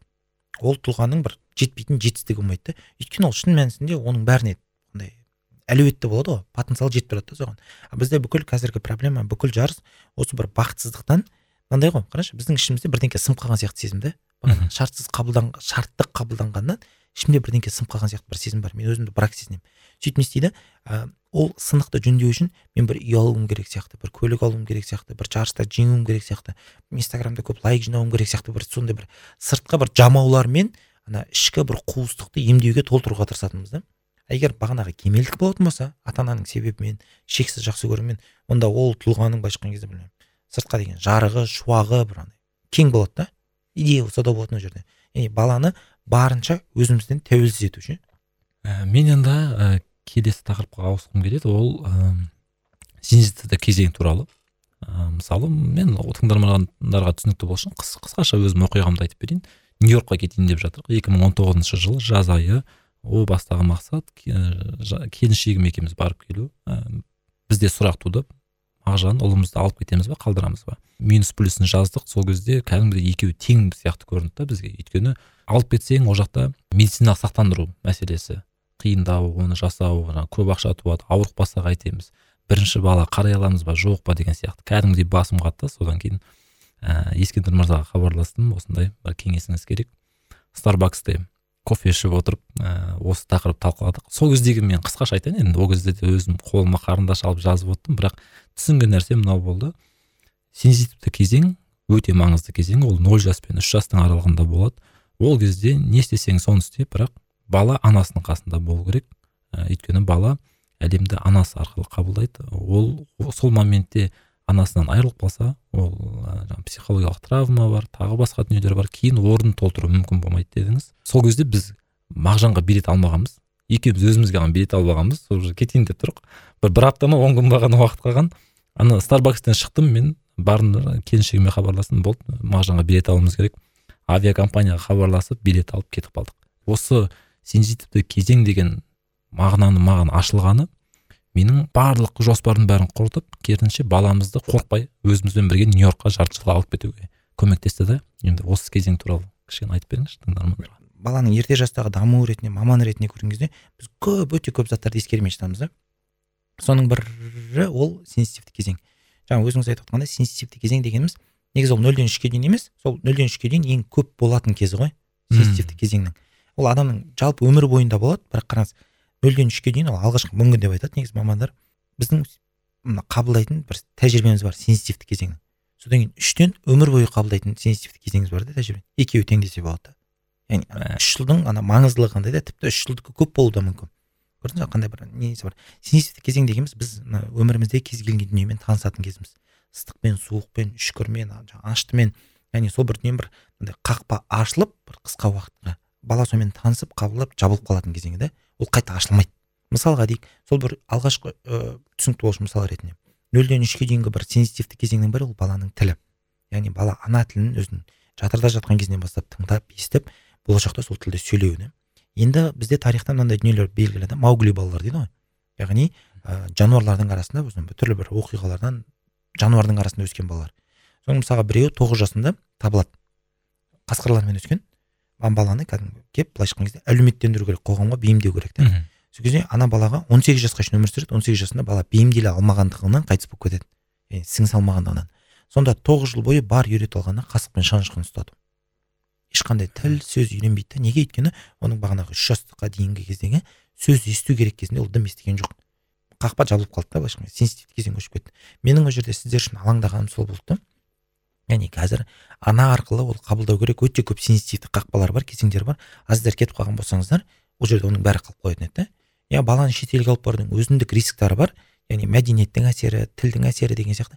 Бірақ былайша айтқан кезде екі зиянын салыстырғанда алып кеткен тиімдірек еді да. Енді бұл сенситивті кезеңдер өте бір маңызды. Біз ана бір маман емеспіз ғой. Қандай сенситивті кезең бар деп оны кіріп керек емес. Егер тіпті қызықса да ата аналар біз қателеспесем екі мың он жетінші жылы мына личность kz деген бір сайт бар. Мхм. Сонда бір әлеуметтік жоба болған. Баланың ерте жастағы дамуы туралы бір он шақты ма сабақ түсіргенбіз. Осындай сенситивті кезеңдердің ара жігін қай айда қандай болатындығын айтып бергенбіз ше. Сол сабақтар тегін тегін дегенде нөл теңге қолжетімді кіріп қарап көрсе болады. Ә, ал қазір бұдан не алу керек деп ойлаймын да мынаны алу керек. Нөлден үшке дейін бала анамен болу керек. Яғни ананың әсері ананың рөлі сондай бір орасан. Ә, бұл бір қарым қатынастың бір кезеңдері деп айтсақ болады бізде осы жерде көп қателік кетеді. Жаңағы анасымен тым қатты үштен кейін де байлап жіберіп жатамыз яғни баланы үштен кейін жаңағы сепарация дейді ажыратпай жатамыз немесе баланы ерте ажыратып аламыз ата әжесінің баласы бұны еркелетуші болма жаңағы бұл сен ана демесін деген сияқты. Өкінішке қарай бұл олқылықты мен өзім де істеп көргенмін да мхм. Жаңағы ата әжесінің мен өзім атам баласымын. Яғни бұның ә, бүкіл плюсын де бүкіл минусын да білемін да былайша айтқан кезде. Орысша айтқан кезде на шкуре дейді ғой. И сәйкесінше әке ретінде де осы қателікті істеп көргенмін да сосын ана істей салсаңыз оның өзінде де бір ұзақ емес бір алты ай ғана да. Ата әжесімен тұрғанда оны біз апта сайын барып тұрамыз. Соның өзінде де әлі күнге дейін сол қарым қатынастағы сол бір гэптар дейді ғой байқалады да. Яғни ана мен баланың арасындағы қарым қатынас егер баланың былайша айтқан кезде анамен қарым қатынасы әлсіз болатын болса онда ол баланың қарапайым тұрғыда қоғамға сенімі өзін жайлы сезінуі екіталай. Мынау қоғамды ірітетін деп айтып жатады ғой кейде. Сухомлинский адамзаттың шаңы дейді да оларды қылмыскерлер. Ә, яғни бір маньяктар бәрінің проблемасы неде? Проблемасы анасымен қарым қатынастың әлсіздігінде немесе жоқтығында. Яғни бұл жерде біз ананың ғана қарым қатынас жасадық та былайша кезде анаға салмақ салып жатырмық бірақ бұл әкенің міндеті жоқ деген сөз емес та бұл жерде. Ол бөлек тақырып. Бірақ бұл тәжірибеден бұл кейстан түйетін бір зат бала сол алғашқы мүмкіні анасымен тығыз қарым қатынаста болу керек. Мүмкіндігінше анасымен сол бір тілдік байланыста болу керек. Бұл жерде анау осы баланың ерте жастағы даму институты бар мен ұмытып қалдым ана ғалымның атын. Қазір есіме түсіп жатыр айтатын да. Сол жерде мынандай бір ә, қызық мақаласы бар. Осы бағанағы. Қарым қатынасқа сенситивті кезеңге қатты әсер ететін қарым қатынастың екі түрі бар дейді да. Біріншісі қарапайым терең екіншісі саяз күрделі. Яғни мысалы баланың мысалы айталық анасы жайлық ауыстырып жатқан кезіндегі көз байланысы жаным күнім жаңағы алтыным мен сізді жақсы көремін деген сияқты сондай бір сөздері сондай бір ым ишарасы жаңағы білмеймін а құдайдың берген бақыты деген сияқты сөздердің бәрі былай қарасаңыз ни о чем әңгіме ғой? Иә. Бірақ осы бір қарапайымдылығымен ол терең қарым қатынас дейді да балаға қатты әсер ететін. Баланың қалыптасуына әсер ететін бағанағы фон. А бүгін не оқыдың бүгін не үйрендің сабағың қанша болды? Бүгін жаңа киіміңе сыныптастарың не деді деген саяз күрделі әңгіме уақыт өткізгеннен басқа қатты бір пайдасы жоқ дейді да. Яғни бұл алғашқы үш жыл осы бір терең күрделі қарым қатынаспен ананың тарапынан толықса онда бағанағы айтылып жатқан біз ата анаға жүктеп жатқан міндеттердің бәрі автоматом орындалатын еді. Сенситивті кезеңнен кейін біз баланы ата әже тәрбиесіне берген дұрыс па деген тақырыпта пікір алмастық. Ескендір мырза зинаб ахметованың айтқан киіз үй тәрбиесі мен америка ғалымдарының зерттеуін ұтымды ұштастыра жауап берді. Эпизод ұзаққа созылып кеткендіктен ә, бұл бөлікті мақалаға айналдырдық. Массагет порталынан оқысаңыздар болады. Иә мына сенситивті кезең туралы айттық қой. Енді осы жерде жаңағы нөл мен үш үш пен ары қарай шексіздік. Ну шексіздік емес енді шектеуі бар ғой. Солай деп бөлеміз ба? Мен өйткені менде мынандай сұрақ болған да сенситивті кезең негізгі алғашқы мың күн ең маңызды одан кейінгі тағы да назар аудару керек дүниелер бар ма деп ше? Бұны ата ана міндетімен байланыстырғым келіп тұр жаңағыдай әкенің міндеті ананың міндеті деген сияқты. Бұл тақырыпты ары қарай тағы да қалай аша аламыз? Былай айтайық қараңыз бұл сенситивті кезеңде яғни нөлден үшке дейін енді бұны кім де жақсы жазады ғой? Масари буконың после трех уже поздно деген кітабы. Немесе до трех самое то деген екінші кітабы бар да ол кісінің. Бұл жердегі әңгіме не енді ол кісінің жазған контентінің бір сексен керек десеңіз тіпті тоқсан пайыз әңгімесімен келісуге болады өйткені көп құнды айтады қалған бір он жиырма пайызы бар бір сүзіп алу керек заттар да. Мәдениетке біздің бір ұлттық танымға қайшы келетін. Айтқым келіп жатқан не? Алғашқы кезеңде біз бағана баланың бір өзегін қалыптастырып аламыз ғой адами қасиеттерін. Енді түсінікті болу үшін қазіргі заман тілімен айтатын болсақ ол софт скиллдар ғой. Мхм. Яғни бала анасымен әкесімен жаңағы арасындағы көпір ретінде қарым қатынас құрып үйренді ғой. Яғни ол бала коммуникацияны үйренді бала проблеманы шешіп үйренді бала шешім қабылдап үйренді яғни базалық софт скиллді алды енді одан кейінгі кезеңде әкесімен атсалысатын кезеңде әкесінің кезеңінде хард скиллдарға ауысады да яғни баланың нан табуы өнім жасау бір тірлік ету деген сияқты еңбекке баулу дінге баулу деген сияқты амал әрекеттердің бәрі қосылатын кездер да мен былай айтамын да ананың балаға бөлетін уақыты қысқа қарқынды бірақ сондай бір сипатқа ие да шектеулі. Әкенікі ұзағырақ бірақ андай жұмыс аз деген сөз емес ода ше бізде ана көп жүк ата анада сияқты болып көрінеді ғой. А шын мәнісінде әке бағана хард скилл баланың бүкіл бағана дүниелерін сіңдіру оны оны үлкен жауапкершілік тұр да. Сенситивті кезең бітпейді. Бағанағы айтқандай жай ғана нөлден үшке дейін қарқынды жүреді. Сондай бір шоғырланып қалған кезде да а қалған өмірімізде шамамен тура сол бір бөлінген кезеңдерде ғой. Жалпы алған кезде бір енді жиырма бірде толық қалыптасып бітеміз деп санайды ғой мамандар. Әсіресе біздің басымыздағы сұрзат а бірақ жалпы алған кезде әрекет көп деп ойлаймын. Әреке әкесіне жүктелетін басқасына жүктелетін. Мен эфирлердің біреуінде ма көргенімде есімде сіз жүз жиырма үшінші мектепте мұғалім болып жүрген кезде бір оқиға сіз айтып берген. Ол әкелердің ә, баланың тәрбиесіне немқұрайлы қарайтындығының бір көрінісі сияқты. Өйткені балалар әкесімен бірге өткізгісі келеді. Сіз бір іс шара ұйымдастырғыңыз келеді. Ана не біз мұғалім ретінде енді сөзіңізді бөліп жібердім иә бір шара ұйымдастыру керекпіз. Сосын үнемі аналарды шақыра береді да. Мен ер адам ретінде мен әкелермен ұйымдастырайыншы дегенмін сынып жетекшісі айтты да енді біз ағылшын тілі мұғаліміміз ғой. Мүмкін емес деді. Осыған дейін мен сынып жетекшісі ретінде жетінші сынып қой үш жыл бойы талпындым тырыстым. Әкелерін көрмеген әкелері бар дейді сосын мен есімде сол кездегі ана жастық максимализмға таңқаламын қазір мүмкін оны істей алмайтын ба едім ше ондай батылдық жоқ мықты мықты ол. Иә ата аналар жиналысы басталған кезде бүкіл мұғалімдер қатысады ата аналар қатысады. Сосын мен дәу қылып тақтаға ата аналар жиналысы деп жазып қоямын. Өзімнің басымда бір сценариім бар. Біздің ең жас мұғалім ретінде соңынан сөз береді бізге. Бәрі шығып сөйлеп жаңағы баланың үлгерімі сабағы басқасын бәрін айтып жатыр сосын мен шығамын да айтамын да екі зат айтқым келеді деймін да. Бүкіл сабақтан бағадан бәрінен маңыздырақ өмірлік азық бірақ екі маңызды дүние. Мынау ата аналар жиналысы емес деймін да жаңағы ата деген сөзді сызып тастаймын ғой тақтадағы ше. Бұл аналардың жиналысы деймін да кәні ата? Иә Жоқ. ата, аталар не бала жасаған кезде ғана қатыса ма деп ше жаңағы? Ана сөздерге таңқаламын сөйтіп айта алғаным ше? Мен аталармен сөйлесемін дейді бала тәрбиесі тақырыбында. Олардың міндеті жаңағы киімін тамағын қамтамасыз етумен шектелмейді деймін ғой. Ана жерде аналар енді бүйтіп деп қалды. Бірақ андай бір әрекет соңы жалғаспады да бәрібір. Дүние болмады. Сонымен жаңағы сонда да айтпаймын. Бірінші сұраймыз балалардан кім қатысқысы келеді деп. Сосын ерікті балалар шықты бірақ айтты әкеміз бәрібір келмейді деген сондай. Үмітсіздікпен айтады да. Айтамын да оны маған қалдырыңыздар. Кім қатысқысы келеді? Әкем келетін болса кім қатысады деді сөйтіп бір тоғыз балама шықты сосын әкелер нөмірін алып хабарласамын балаңызға бірдеңке болып қалды мектепке келіңіз деймін он бес жиырма минуттың ішінде келеді ше? Бәрі. Келеді иә. Келген кезінде жаңағыдай алып ұшып біреу ұрды ма басы жарылды ма деген дүниемен келеді ғой. Сосын айтамын да сонда сіз мектепке келу үшін балаңыздың өміріне атсалысу үшін балаңызға бірдеңке болу керек па деймін да. Сонда сондай бір оқыс жағдайда ғана керексіз ба сіз деп ше балаңызға? Ана кісілерге мә отырғызып қойып қай бетіме айтқанын білмеймін. Бірақ сондай бір бағана максимализммен әбден сүйектен өтетін сөздермен айттым ше. Сөйтіп соңында жаңағы бір үлкендеу кісі бар екен. Иә дұрыс дұрыс біз жаңағы күйбең тірлік деп жүріп біз осы дүниені мына бала үшін деп жүріп не үшін екенін ұмытып кетеді екенбіз сөйтіп соңында жаңағы әкелер жарысы болып сондай бір не шара өткен еді. Қызық не болған иә ол жердегі маған просто сіздің әкелерге берген жауабыңыз ұнады бір нәрсе болды ма? деп сұрайды ғой сол кезде. Иә бір нәрсе болды өте қиын нәрсе болды. Ол. Сіздің балаңыз өзіңіздің әкесінен ә, қолдау тапқысы келеді бірақ сіз оны бермейсіз. Ол оны алмайды. Ол ең сұрапыл нәрсе ғой деген сияқты Иә, жауап. бұл ана физикалық жарақаттан да ауыр жарақат ауыр жарақат яғни енді бұл енді бізге әкенің міндетінің зор екендігін және ә, тәрбиенің әр кезеңінде ә, белсенді атсалысуымызды көрсетіп тұр ғой. Мен енді осы біраз эфирлеріңізді қарап жүрмін ғой сол бұрыннан әр посты бәрін қарап. Маған бір қатты ұнаған эфирдің бір еңбекке баулу тақырыбы болды ше. Өйткені ауылда өстік бізде ерте жастан жұмысқа араласып кеткен адамдар бір мықты осы ой мына еңбекқор деген әңгіме болды да. Анау менің ойымда да белгілі бір деңгейде болды. Бірақ ана эфир бәрін бұзды ше. Ну, бұзған кезде мен по полочкам қойды да енді орысша айтсақ.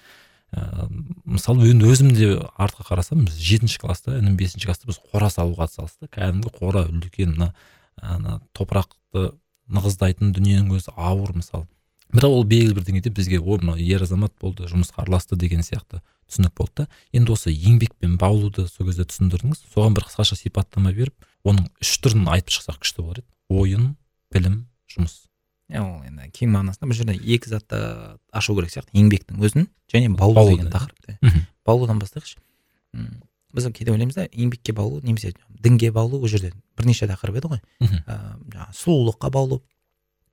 Біз ә, ана баулуды бір міндеттеу жүктеу түсіндіру деп түсініп қалып жатамыз да. Баулу деген балаға сондай бір оны тартымды етіп көрсету да сондай бір күшті қылып ұсыну ше яғни бала оны өз бетімен істегісі келіп кететіндей. Бұл жерде анау бір шығарма бар еді ғой менің есімде жоқ. Ә, жетім бала туралы білетін кісілер білетін шығар. мен ол жағынан сауатсызбын да. Ана бір кісіге қабырғаны боя дейді ғой. Мхм. сол қабырғаны бояғысы келмейді да ол. Бірақ ана сол кезде ауылдың басқа балалары суға шомылуға барады да. Сөйтіп бәрі риза болып суға шомылуға кетіп бара жатқан кезде мынау жаңағы тұра қалып қабырғаны риза болып бояй бастайды да.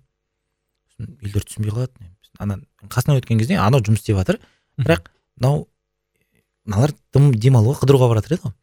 Сөйтіп сұрайды да немене риза болып жаңағы шарбақ бояғаныңа риза болып тұрсың енді біз суға кетіп бара сен қайғыру керексің ғой деген сияқты әңгіме айтқан кезде айтады да. Сен суға күнде барасың ғой дейді да. Шарбақ күнде боямайсың дейді ғой. Мә мен бояйыншы мен бояйыншы деп ана жерде балалар кезекке тұрады ауылдың балалары.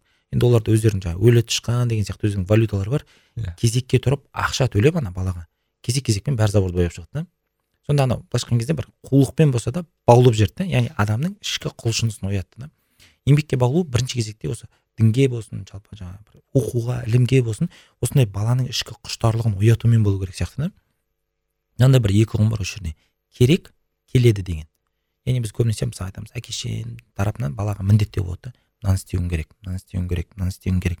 Ол керек баланың келеді деген құлшынысын өлтіре бастайды. Қызығы көп жағдайда әкенің әке шешенің керек деп айтқан заты мен баланың келедісі екеуі сәйкес келеді негізі ше. Бірақ әке ана керекті бірінші айтып қойғаннан кейін келеді өле бастайды ғой. Бұны александр нилдың да мысалымен дәлелдейік. Ол кісілердің бір несі мынандай ыыы шеберханасы өртеніп кетеді мхм. сөйтіп шеберхананы салайық деп айтады балаларға ше бәріміз жиналып істейік дейді. Балалар енді жақсы жақсы дейді бізге салу керек шеберхана керек деп. Сөйтіп салайын дедім жаңағы келіскен күні сол бір бәрі бір мынандай аймақта тұратын нелер ғой. Аймақ дегенде бір ауыл бір қоршаған алған территорияда тұратын. Балалар келмейді салмайды мұғалімдер өздері салып шығады ананы ше. Сөйтіп екінші бір мынандай шеберхана ашу керек болады ол жерде қайық жасай ма сондай бірдеңке. Сол кезде ана форматқа түседі. Бізге шеберхана керек емес қайық жасағыларың келе ма деген ше. Мм балалар мұғалімдер келмей ақ бүкіл шикізатын жаңағы құрал жабдығын өздері тауып өздері салып шығады ғой ана шеберханадан. Яғни осы жерде ана затқа алып келеді да балада қажеттілік тудыру баулу дегеніміз ше. Еңбек тақырыбында ә, еңбек дегеніміз оның үш түрлі көрінісі бар да біздің өмірімізде. Еңбек труд дейді ғой енді. Иә. оның бірінші көрінісі ол ойын яғни баланың ойыны. Екінші көрінісі ол ә, білім яғни оқуы. Білім дегенде оқу әрекеті үйрену әрекеті. Үшіншісі ол жұмыс. Кәдімгі біз істейтін кәдімгі ақша табу үшін істейтін тірлік. Бізде бұл қайдан шықты? Мұны мынандай ғой. Көп эксперттің қателігі бар. Өзі білетін затты елдің бәрі білетін сияқты болып жүреді да яғни еңбектің осындай үш көрінісі бар екен. Біз мен педагогика теориясында оқыдық бірақ бәрі білетін қарапайым иә қарапайым дүние болып көрінеді. Сосын бір күні бір ата ана келді мына бала мына сотқар оқиын деген ойы жоқ есіл бәрі ойын дейді да сондай бір шек орынсыз шарт қояды ғой талап қояды. Мен ол кісіге айттым вы орысша сұрады вы хотите чтобы ваш ребенок трудился деп ше да деп ше сосын жаңағы миының нейрондары жанғанын қалайсыз ба иә мынандай мынандай ойын сол ғой деймін да? Яғни труд это есть игра. То есть ана мынандай көрініс бар ана кісі аң таң болды содан кейін барып біз оны тренингтің бағдарламасына енгіздік та енді керек дүние екен ғой деп ше бір өткенде бір қызық жағдай тағы да. Ә, бір жігіттер шетелге барып бір адасқанын айтып беріп жатыр да жаңағы gps картаны түсінбей қалай. Сосын картаны оқу тану қиын болды дейді да жаңағы. Бір бәленбай сағат жүрген екен. Сосын мен сұрап жатырмын да. Кішкентай кезіңізде қандай ойыншықпен ойнап едіңіз қандай ойды ойнап едіңіз деп оның не қатысы бар дейді. Оның тікелей қатысы бар да. Өйткені біз мысалға кішкентай кездегі ойнаған ойынымыз ойыншығымыз мысалға айталық бізде кеңістікті қабылдауымызға қатты әсер етеді.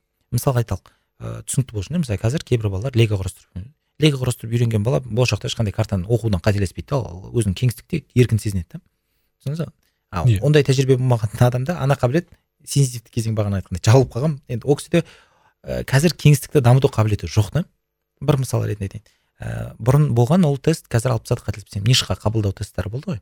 Сол кезде жаңағы өзінің математикасы бар тарихы бар деген сияқты. Соның ішінде бір тест болған. Ыыы жаңағы дәл осы кеңістікті қабылдауды тексеретін. Сол кезде де жаңағы репетитор орталықтардан барып сұрап жатқан кезде бұл не бар не жоқ дейді да бұны дамыта алмаймыз ешқалай дейді. Яғни сенситивті кезең өтіп кетті дегенге бір мысал. Мм ойын қатты әсер етеді. А бұл жерде бір маңызды зат бар. Ойын қану керек. Ойын қанғаннан кейін сол бала өзі мектеп жасына дайын болған кезі ғой. Бұл жерде жаңа сұрақ туады. Бала мектепке қашан бару керек? Ә, андай емес мысалы. Мен балам екі мың алтыншы жылы биыл екі мың алтылар сабаққа барып жатыр деп беріп жіберу емес та яғни баланың ойыны қанған кезінде бару керек. Ол шамамен алты жеті жас. Сол кезде қанады сол кезде өзі бала анаған ауысады да. Енді ол қанғандығын тексеретін түрлі тесттері бар түрлі өзінің тәжірибесі бар. Негізі мектепке алып барсаңыз мектептегі мамандар бастауыш сыныпта қабылдап алатын ол өздері сол тестті істеп береді. Бізге ата анаға оны ол тестті білу шарт емес та бірақ біздің міндетіміз ана баланың ойынның қануы. Біз бұл жерде ана ойынның түрлерін ойынның бір сипатын әсерін айтып отқан жоқпыз. Бірақ бір түйін ойын еңбек. Ол андай біздің ойымыздағыдай ойын ойнаған озар деген бос уақыт өткізіп жатқан жоқ. Ол бір ең бір сондай құнды бір дүниелеріне өткізіп жатыр да. Қателеспесем эйнштейннің мынандай сөзі бар. Ойын ол табиғи танысу дей ма табиғи тәжірибе амалы дейді да. Зерттеудің ең жоғарғы формасы дейді да.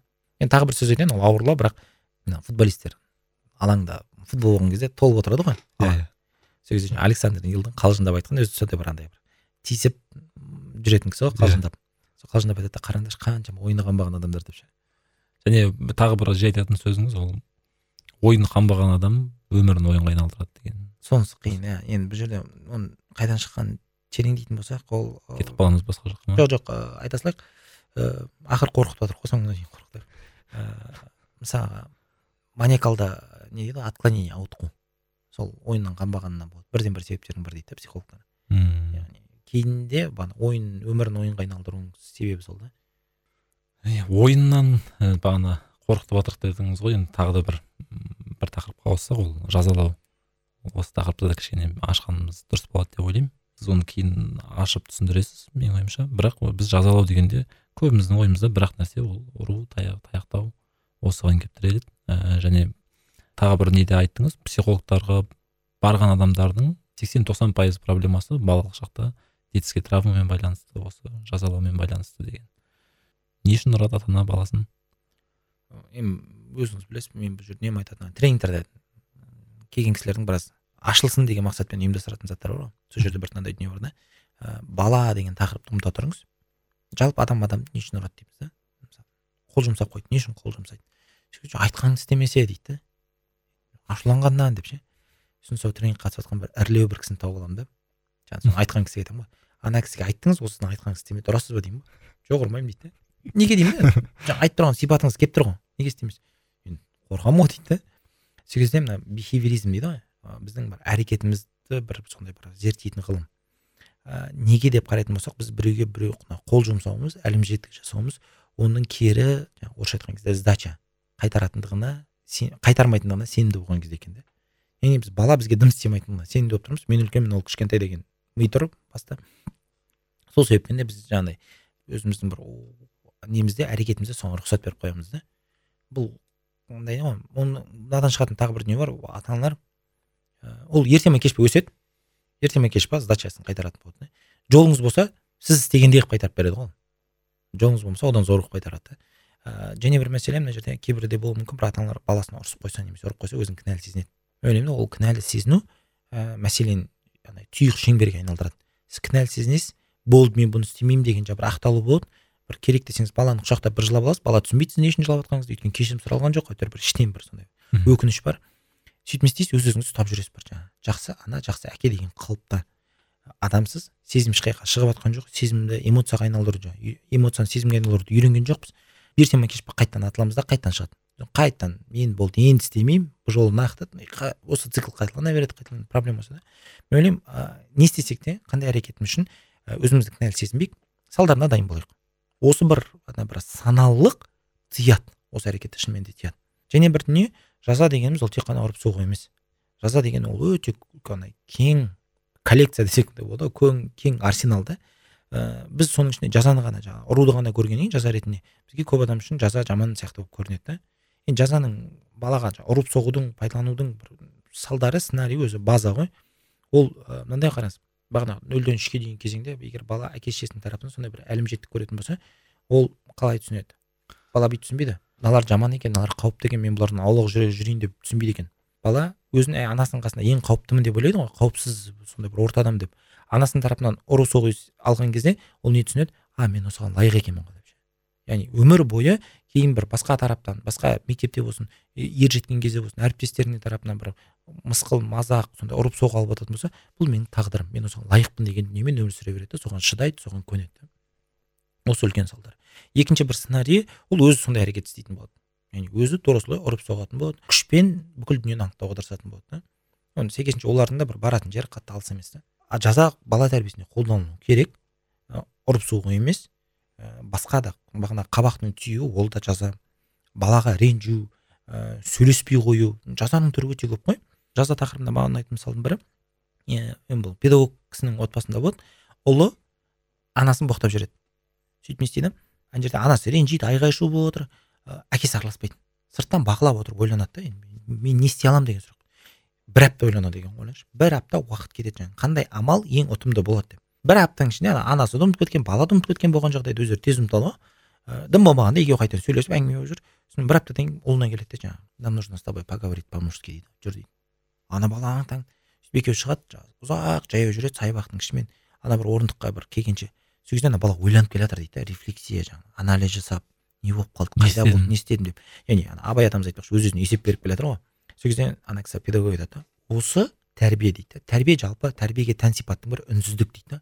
Айғай шу емес түсіндіру емес осы бір баланың басында ғана үнсіздіктің бағана бір ана құбылыстардың сұрақтардың болуы баланың сол жауапты іздеуі осы тәрбие дейді да. Яғни баланы сондай бір ортаға түсіру ше ана бір педагогтардың өнері сонда сөйтіп бір орындыққа келіп отырады да балам менде проблема дейді. Мен бір кісіні жақсы көремін және мен оны өмір бойы сені қорғаймын деп уәде бергенмін жақында соны біреу ренжітті дейді. Е жазалайық та оны дейді да ана бала. ол ренжіткен адам менің де жақсы көретін адам оны да жақсы көремін дейді ғой. Бала түсіне бастайды шамамен ана жаңағы өмір бойы қорғаймын деген ол жарым ренжіткен балам дейді ғой. Ана бала жылайды ана жерде ше көзіне жас алып тұрып әке кешірші мен әке жазалашы мені мен мен кінәлімін дейді ғой. Ана жауапкершілікті сезінуді егер баланы кінәлайтын болсақ сол жерде бала жауап ана прям баласы анасына ұрысқан кезінде жаман сөз айтқан кезінде кінәлайтын болса ей тейт не деп тұрсың деп. Өзі ғой мен мазама тиген деген сияқты бала ақталуға көшіп кететін еді да жауапкершілікті алмайтын еді ғой өзіне. Ана бір сөздерден кейін ана бала әбден бір ана ә, толыққанды түйсінеді да әңгімені. Сол кезде әкесі бүйтіп айтады. Бұның жазасы бұл ұят тірлікті ешкім білмесін дейді ғой. Бұдан кейін бұны ешкімге айтпайық дейді. Яғни бұл кімнің оқиғасы бұл? Аманашвилидің шалва аманашвилидің оқиғасы. Бағанағы ұлы біз бағанада мысал ретінде айтқан пата аманашвили да бүгінде белгілі тұлға болып педагог болып қызмет етіп жүрген ше елге. Яғни осындай бір ә, сипаттар әдемі жазаның көрінісі ғой. Мынандай жазаны біз істей алатын болсақ онда онда шынымен бізге ана ұрып соғудың қажеттілігі де болмайтын еді да бұл бұл мысалды мен көп рет естідім да. Бірақ қазір естіп отырмын қазір де менің көзіме жас алып келіп отыр да. Мысалы өзіңіз де байқап отырсыз бұл ә, мен үшін де бұл ә, баламен қарым қатынас құрудың жаңағы бір шыңы сияқты білмеймін енді осы бір жазалаудың шыңы дейміз ба әлде. Мен бүйтіп қабылдаймын да бұл бағана воспитание в воспитание дедік қой өзектің образбен тамақтану. Бұл біздің әкелік воспитаниеміздің образдары деп ойлаймын да.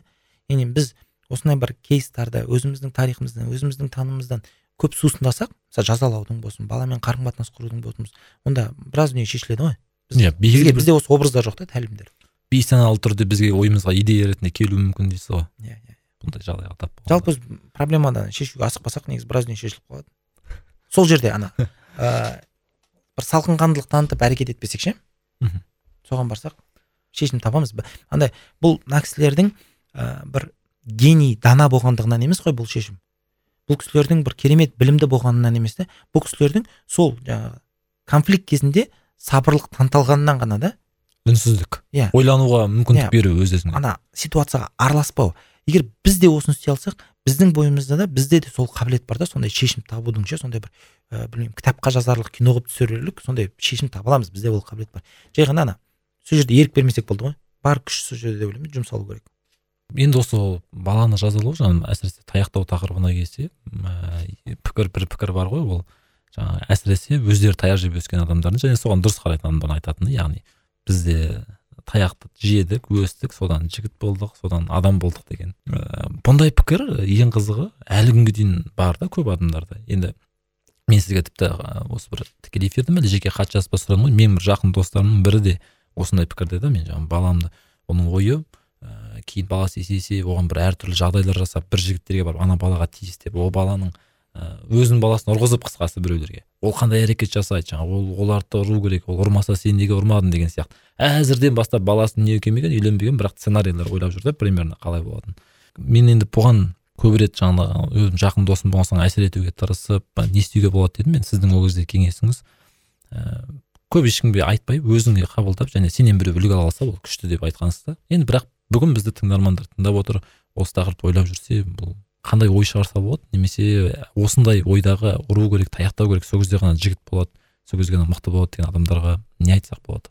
Бұл жерде жаңағы неге? Біз бөлісуге өзі бір жақынбыз ғой. Байқасаңыз басқа басқа қазақта ақыл кеңес тегін да бөлісуге бірдеңе мысалы подкаст болсын тыңдап алсақ мә мынандай екен деп ше жаңағы миым жарылды деп сторис салып немесе жаңағы не қылып жатамыз мен кейде қалжыңдап тиісеміз миың жарылған жоқ миыңыз реттелген шығар деп ше айтқым келіп жатқаны дәріптеудің бірдеңкені бөлісудің ең күшті тәсілі ол амал арқылы ғой. Яғни сіздің әрекетіңізден көрсе сіздің нәтижеңізді көрсе одан асқан дәріптеу жоқ одан артық шейір жоқ қой бөлісу жоқ та. Бұл бір. Екінші ата ананың бұндай әсіресе әкелердің бұндай тарапынан тарапынан әрекеттің болуы ол өзінің кезіндегі травмасынан ғой. Мынандай мысалы қараңыз мен орыс тілін білмегеннен қиналып өскен болсам әбден бір ұялған сәттерім көп болатын болса мен баламды орыс тіл балабақшасына беремін ғой. Барынша бірінші кезекте орыс тілін үйретуге тырысамын да немесе бір таяқ жеген болсам оны спортқа беремін деген сияқты ғой. Ол андай ыыы келесі ұрпақта өзінің бір ана олқылықтарын толтыру. толтырудың амалы да. Білмеймін балаңа бір өмірде берілген утешительный приз сияқты қарау ғой. Енді осы жерде түзеп алайын деген сияқты. Ол жеке тағдыр жеке әлем. Бұл бір бір бір бір кірбің. Ыыы мен ол жігіттің әлі үйленбегендігі қуантады. Оның бүкіл сценарий ойда екендігі ше. Ол жақсы не деп ойлаймын. Ыыы енді мәселе мынандай. Біз бүйтіп ойлаймыз да егер мен жаңағыдай бір қаттылықта сондай бір сондай бір жаңа еркекті көшенің тәрбиесін бермесем ертең ол ез болады деген. Дүние үшін мен көп кісінің басында бар. Менің жарым тараздікі енді олардың өзі андай қыз бала болса да андай бір көшенің тәрбиесін сыйлап өскен ғой. Сөйтіп жаңағы иә менің ағаларым былай былай көшенің балалары ғой. Солардың бәрі мені мойындамайды андай ше. Бұл үйдің баласы бұл ақ саусақ деп ше. Ана жаңағы келінді мойындайды ғой. Понятиесі бар бұның деп ше? Сол сияқты да бір. И ол кісінің ана бала тәрбиесінде анандай бір уайымы бар да. Енді мыналарды жаңағыдай ұрыста сдача қайтара алатындай қылып тәрбиелеу керек шығар деген сияқты ше. А идея неде? Біз ойлаймыз ғой бұл әлжуаз болып қалады жаңағы сезімге махаббатқа бөлесек күніне бір жеті сегіз рет мен сені жақсы көремін деп құшақтасам ол бір таяқ жейді деп ойлаймыз дейді да. Енді бұған бір үлкен бір зерттеу бар. Ол сол израиль мен жаңағы арабияның арасындағы соғысы. сөйтіп екі елді алады екі елдің тәрбиесін қарайды кім қалай тәрбиелейді. Кезде жаңағы арабия м, қаталдықпен бір жауыздықпен сондай қатты кездікпен тәрбиелейді. Алар керісінше жаңағы мейірімділікпен сондай бір махаббатпен шартсыз қабылдаумен. Енді қай елдің әскері жаңағы дезерт дейді ғой әскерден қашады немесе қай елдің тарапында суицид көп? Енді оны айтпаса да түсінікті шығар. Біз былай түсінеміз да қазір балаға қатты қарасақ бұл болашақта соған дайын болады деп ше? Баланың әлемдегі заңдылықтар мүлдем басқаша. Негізі бағанағы нөлден үшке дейінгі немесе қазақтар жаңағы ханыңдай көр деп жатқан кезең бар ғой. нөлден беске дейін ханыңдай сыйла дейтіні логика осы жерде ол баланың құлы бол деген сөз емес. Сол ханыңдай сыйла деген ол бағана сол омыртқасын қалыптастыру оның өзегін жаңағы бүкіл махаббатын шартсыз жақсы көруін қалыптастыру ғой. Одан кейін сіз оны бағанағыдай спортқа бересіз ба бір білмеймін шыңдайсыз ба?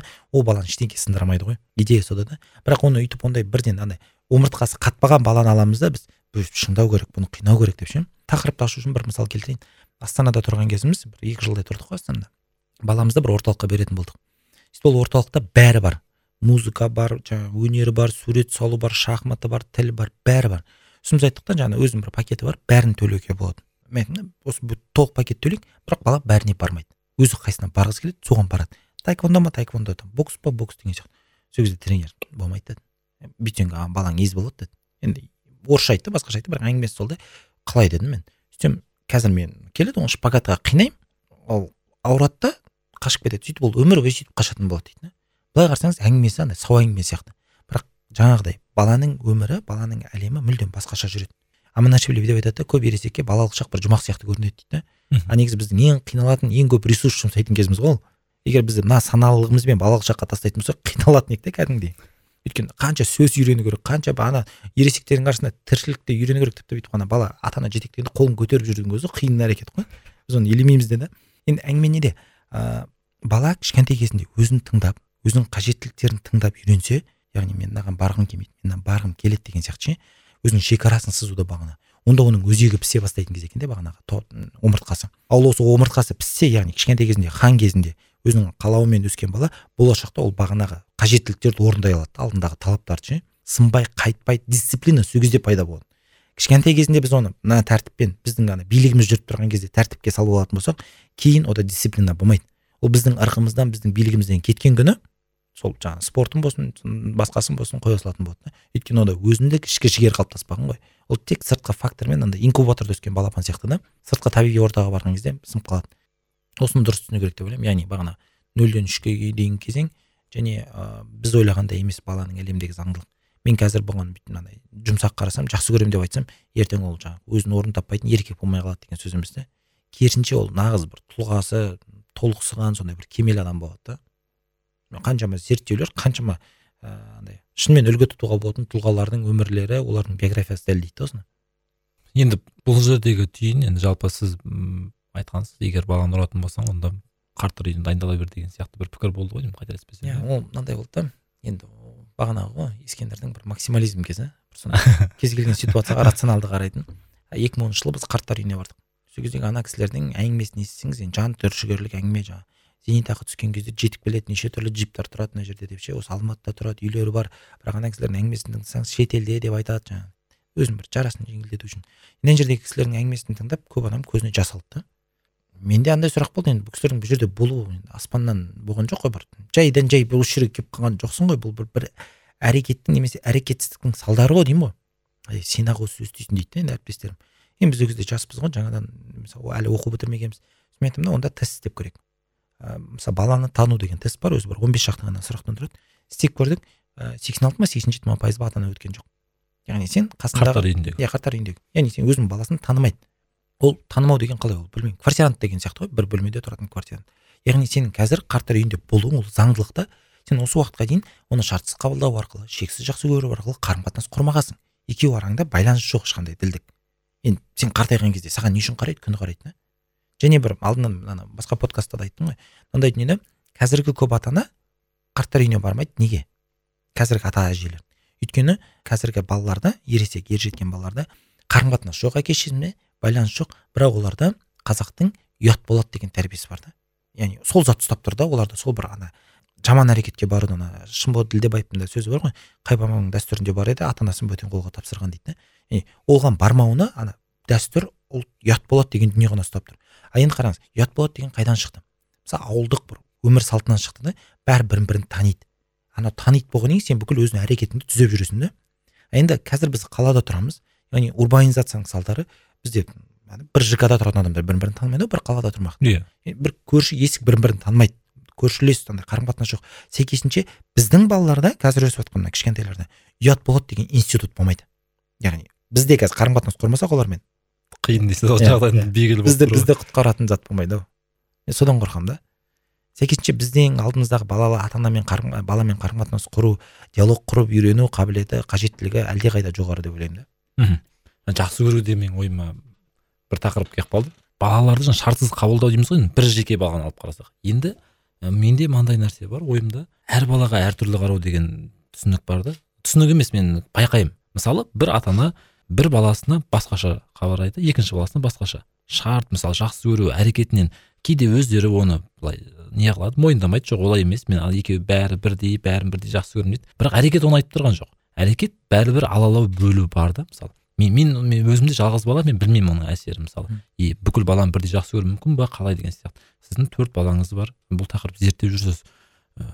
Не айтасыз осы шынымен ата аналар балаларын алалап бөлу мәселесі бар ма бар болса қалай күресу керек? Енді күресу керек демей ақ қояйық бірақ енді осы тақырыпты кішкене бір қарап көрейікші. Бір ұстазымыздың әңгімесінен бастайын. Ана ол кісінің бес баласы бар еді да ол сол кезде. Мхм. сөйтіп жаңағы кенжесі келіп сұрайды ғой. Ә, сіз мені жақсы көресіз ба деп. Мен әрине жақсы көремін дейді әкесі енді қайсымызды көбірек жақсы көресіз дейді ғой? Мен бәрін тең жақсы көремін дейді да жоқ болмайды олай дейді да біреуімізді қаттырақ жақсы көресің қайсымыз деп ше? Сол кезде әкесі ана баласының қолын алады да алақанын ше. Бір қолыңызда қанша саусақ бар деп ше. Бесеу дейді қайсысын көбірек жақсы көресіз? дейді ғой «Е, бесеуін де жақсы көремін дейді. Маған да сол сияқты дейді мен бәрін тең жақсы көремін деп. Ана бір әдемі теңеу сияқты да балаға түсіндіре алатын. Мынандай да педагогиканың немесе мына тәрбиенің іргетасымен бір андай терең ұғымдарымен таныса бастаймыз ғой мысалы тәрбие өнерінің бір көздегені сол еді да таныса бастаған кезде біз не болады біздің жүрегіміз бағанағы махаббатты жақсы көруге айналдырып үйренеді мхм а біз осыны үйренсек ол бала талғамайды яғни мынау үлкен бала еді мынау кенже бала деп ше керек десеңіз педагогиканың түбіне мына шыңына жеткен адамдарда қандай сипат байқалады ол өзінің баласын өзгенің баласы деп бөлмейді мәссаған яғни өз үйіндегі төрт бес балаға махаббатыңды бөлуде емес. Мәселе біз ана махаббат жақсы көруге айналмай жатқан ең жеткізе алмай жатырмық қой біз. Ол айналған сәтте ода шек жоқ та бір, бір керемет сондай бір бітпейтін құдық сияқты ғой. Бере аласың да мысалға бұны кім айтады? Януш корчак айтады. Енді ол кісі януш корчак деген атпен танымал ғой көбінесе бірақ шын аты генрих гольдшмидт та. Сол кісі айтады педагогтың бірден бір сипаты ол баланы менікі сенікі мынау менің балам мынау сенің балаң деп бөлмейді дейді яғни бұл бір осы бір сипатқа ие болу деп ойлаймын да. Бұл мынандай тұрғыдан алсақ та болады мысалы ойлашы әр бала сізбен қарым қатынаста өзін бір ең сүйіктідей сезіндіре алу ғой. Мхм. Бұл бұларға теңдей уақыт бөлу деген сөз емес. Бұл теңдікке ұмтылу деген сөз емес. Бізде көп осы жерде қателеседі. Мысалға біреу біреудің туған күні болса бәріне сыйлық алып беріп ше жаңағыдай. Мен бәрін тең жақсы көру керекпін деп. Теңдік емес бізді құтқаратын. Бізді құтқаратын әділдік та. Яғни әрқайсысына өзінің туған күнінде алып беру мысалға да. Немесе біреуге қажеттілігіне қарай 15 минут уақыт бөлу керек болса біреуге 5 минут уақыт бөлу. Мәселе уақыттың санында емес оның сапасында ғой иә. Сол кезде осы бір әділдікті ұстана алатын болсақ ана қарым қатынаста көп зат шешіледі мен мына эфирдің соңында айтамын деп отырғанмын.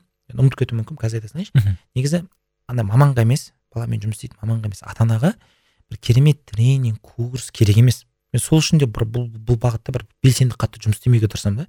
Неге өйткені ата анаға өзінің баласын жақсы көру үшін бір ақ зат керек. Ол өзінің бойындағы сол бір құдай берген махаббатты жақсы көруге айналдыра алу ол үшін ол өз өзімен жақсы болса бір өзін қабылдаса бір қарапайым әрекеттер негізі ше бір психологқа бару да шарт емес болуы мүмкін. Өзіңмен жай ғана ден қойып жұмыс істей бастасаң өзіңмен ішкі күйің бір сондай бір бейбіт сондай бір сарында болатын болса болды автоматом ананың бәрі жақсы болады да. Яғни біздің бойымыздағы ана интуитивті махаббат өзімен өзі шығады да жақсы көруге айналып.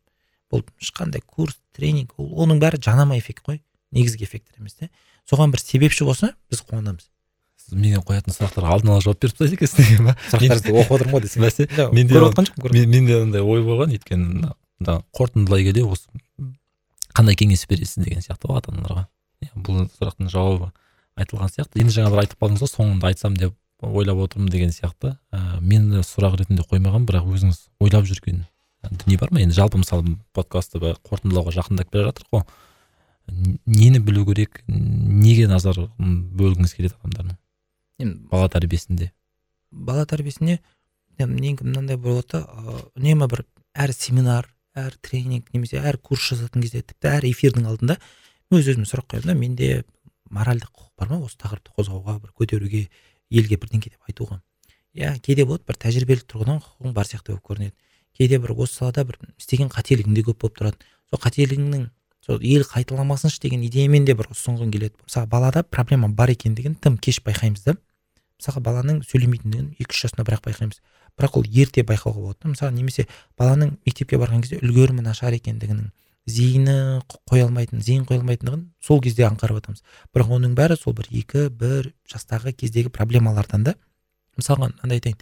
Біз жаңағы төртінші баламыз дүниеге келген кезінде үш айында сондай бір тақырыпқа қызыға бастадық та. Мынандай сұрақ қойдым. Үш айында денесін көтере ала ма? деп ше екпетінен жатқан кезде. Так көтере алмайды оның не қатысы бар? Ал осы кезде көтере алмаса оның баланың дамуы ол тек қана физиологиялық даму емес қой жерде жаңағы дене бітімінің дамуы емес ол жерде оның жаңағы танымдық дамуы бар психологиялық эмоциялық дамуы бар әлеуметтік дамуы бар яғни кемі осы бес критерий бар да басты қалған біз төрт критерийді есептемейміз да баланың туу туралы куәліктегі жасына ғана қараймыз ғой мектепке келген бала туу туралы куәліктегі жасымен жетіде болуы мүмкін бірақ психологиялық жасы үште да эмоциялық жасы екіде немесе танымдық жасы жетіде тоғызда солай болып жатады ал бұл дисбаланс баламен жұмыс істеудегі қиындықтар туындатады яғни осының алдын алу мақсатында жаңа бала үш айда жаңағы денесін көтермейді. Біз чек листті қарадық. Денесін көтермейді. А онда мынандай жаттығу істеңіз қарапайым жаттығу мысалы екпеттен жатқан кезде қолыңызды беріп ана қолыңыздан ұстайды саусақтардан. Тартуда баланы. Сөйтіп сондай бір жаттығуды мысалы бір апта істейсіз. Өзінің ережесі бар. Бала денесін көтереді. Бұл оған қандай мүмкіндік берді? Оған еңбектеуге мүмкіндік береді. Ертең тоғыз айында. Яғни үш айында біз алдын алдық та. Егер мынау алдын алмаса ол тоғыз айында еңбектемейді одан кеш еңбектейді деген сияқты ғой. Ал ол еңбектемесе бала бірден жүріп кетуі мүмкін. Ол бірден жүріп кетсе еңбектемей бала мысалы мишығы толыққанды дамымайды. Мишығы дамымады деген сөз ол кемі мысалға велосипед ана скейтборд деген сияқты спорттарға бейім болмайды. Былай қарасаңыз бір денесін көтеру ғана сияқты бірақ бірақ салдарын алып келген кезде иә үлкен бір соның бір түйіні абайдың сөзі бар ғой ана қолымды мезгілінен кешірмедім деген. Осы бір дүние ғана сияқты сол бір кешікпеу әрбір баланың болмысындағы бір сәтті жіберіп алмау егер жіберіп алған болсақ оған өкінбей өйткені алдымызда әлі талай сәт бар. Осы бір сәттерді илей алсақ онда біздің білмеймін әкелік болсын аналық болсын міндетіміз толыққанды орындалады деп ойлаймын. Жалпы біз өзі өміріміздің бақытты бақытты емес екендігін бағалаған кезде сол бақытты сәттердің көптігінен бағалайды дейді ғой мамандар? Сол бақытты сәттер көп болсын бақытымыз біздің әсіресе баламыздың ә, бақыты мүмкіндігінше баянды болсын. Сондай бір білмеймін тілек па өтініш па тапсырма ма? Сондай болды ма иә. Не екенін өздері тауып бірақ бір иә соңында бір не бар ғой бізде? Сұрақ бар ғой бұған қатысты оған келеміз қазір. Бір қысқаша жауап беретін бір сұрақ қойғым келіп тұр да енді мысалы. Осы бүгінгі айтылып жатқан бала тәрбиесіне қатысты тақырыптар ол сіз бұрыннан зерттеп келе жатқан дүниелер да мысалы. Алғашқы тренинг екі мың он алты болса кейін толықтырылып маған қазір қызық та мысалы. Осының ішінен енді қазір қандай тақырып зерттеп жүр екен деген ой келді мысалы бала тәрбиесінің ішінде бір тақырыпқа тереңдеп жүр ма қаттырақ? әлде мүлдем бір жаңа қосымша тақырып алып зерттеп жүрсіз ба осы? енді сіз хоббиім деп айттыңыз ғой бірақ бәрібір де маған қызық ескендір бестай бала тәрбиесінің ішіндегі қай тақырыпқа тереңдеп жүр екен мына хоббиға айналған мамандығым ғой. Ә, бакалавр мынандай бір не да маған қатты бір қызық ғылыми зерттеу ретінде алатын болсақ ол баланың қалыптасуына сыртқы факторлардың әсері. Яғни біз мысалы баланың мүлдем елемейтін заттар бар. Температура жарық жылу ә, дыбыс мүлдем елемейміз да заттардың. Яғни балаға әсер етіп жатыр ма біз қандай мысалға мекемеде районда тұрып жатырмыз. Мысалға айталық ә, нью йоркта мынандай зерттеу бар. Метроның айналасында тұратын балалар бар ғой. Яғни кішкентай кезінде. Ана статикалық шум дейді ғой метроның дыбысын. Сондайды естіп өскен балалардың мектеп үлгерімі нашар болады екен да сабақ үлгерімі. Ана сондай бір кері әсерлер бар. Жалпы баланың қалыптасуында осы сыртқы факторлар жаңағы дыбыс жарық түс деген сияқтылардың әсері алпыс пайызға дейін. Қалған қырық пайызы біздің әңгімеміз да сөзіміз нотациямыз лекциямыз. Сонда анау маңыздырақ болатын болса соны ойлану керек қой. Яғни мысалы қарашы балалардың бойында мына қандай дағдының қалыптасуы? мысалға келіссөздер жүргізу немесе коммуникация жүргізу мынау олардың ойнайтын алаңына байланысты да сол ойнайтын алаңның қалай дизайны құрастырылғанына. Сол мысалы сауатты құрастырылса балаларда мүлдем басқа дағды дамиды. Мектепте мысалы парталардың орналасуы. Біз мүлдем елемейтін заттар бірақ қатты жанама болса да қатты әсер ететін дүниелер да бұл ғылыми зерттеп қызығатын затымыз. Егер менде ойлаймын осы бағытта бір phd форматында оқу мүмкіндігі болса мен осыған барғым келеді. Ана каймин ченг деген былайша айтқан кезде өзім сырттай жазып алған ғылыми жетекші бар. Сол кісімен де осы тақырыпты біраз зерттегенбіз талқылағанбыз. Ана пропозал дейді ғой. Қысқаша бір сипаттамасы ретінде жазған кезде. Ә, егер мүмкіндік туып сондай бір phd деңгейінде оқу барып жатырмыз осы тақырыпты оқығым келеді осы тақырыпты зерттегім келеді. А қазір былай ә, жеке бір қатты толғандырып жүрген мәселеге келетін болсақ ол ә, негізі тәрбиеде қыз бен ұл баланың айырмашылығы жоқ бағанағы. Нөлден үш нөлден беске дейін ше өйткені бірдей махаббат сол бірдей шексіз жақсы көру шартсыз қабылдау талаптар қойылады бірақ одан кейінгі кезеңдерде көп зат ескерілмейтін сияқты да яғни қыз баланың тәрбиесі ұл баланың тәрбиесі деген бір дүние келіп жатыр менде қазір ше. Әсіресе осы ер баланың бағанағы бір еркектігінің жетіспеуі ма білмеймін. Мысалға енді кезінде мына қазақтың дәстүрінде мынандай бір дүние болған дейді да. Жігіт сынау дейді ғой. Мысалға мен бізде соның қазір элементтері бар да жан бату тең келу деген сияқты. Бірақ бір кісі бүйтіп түсіндірді маған. Бұл дүниелер не үшін керек еді? Мысалға айталық бір арғындар бар. Соның ішінде бір жігіт мен үйленемін дейді. Оның қалың малға басқаға ауқаты жоқ мүмкіндігі жоқ. Сөйтіп сол жаңағы арғындардың әулетінің басшылары байлары ана жігітті сынайды екен да жаңағыдай түрлі бір амал тәсілдермен. Бұл отбасын асырай ала ма деген дүниемен ше яғни ол сол бір жігіттігін ер еркектігін көрсету керек екен да амалдарын жаңағы бір қамыстың үстіне лақтырып жіберіп соның ішінде жолбарыс бар болса аман есен шығу деген сияқты ғой. Сондай бір сынақтары сол сынақтан өткеннен кейін мына кісілер былайша айтқан кезде ол үшін тұрып береді да жаңағы қалың малын төлеп сөйтіп барып ана жаңағы керек қызын келінін алып береді. Бізде қазір осы бір дүние жетіспейтін сияқты.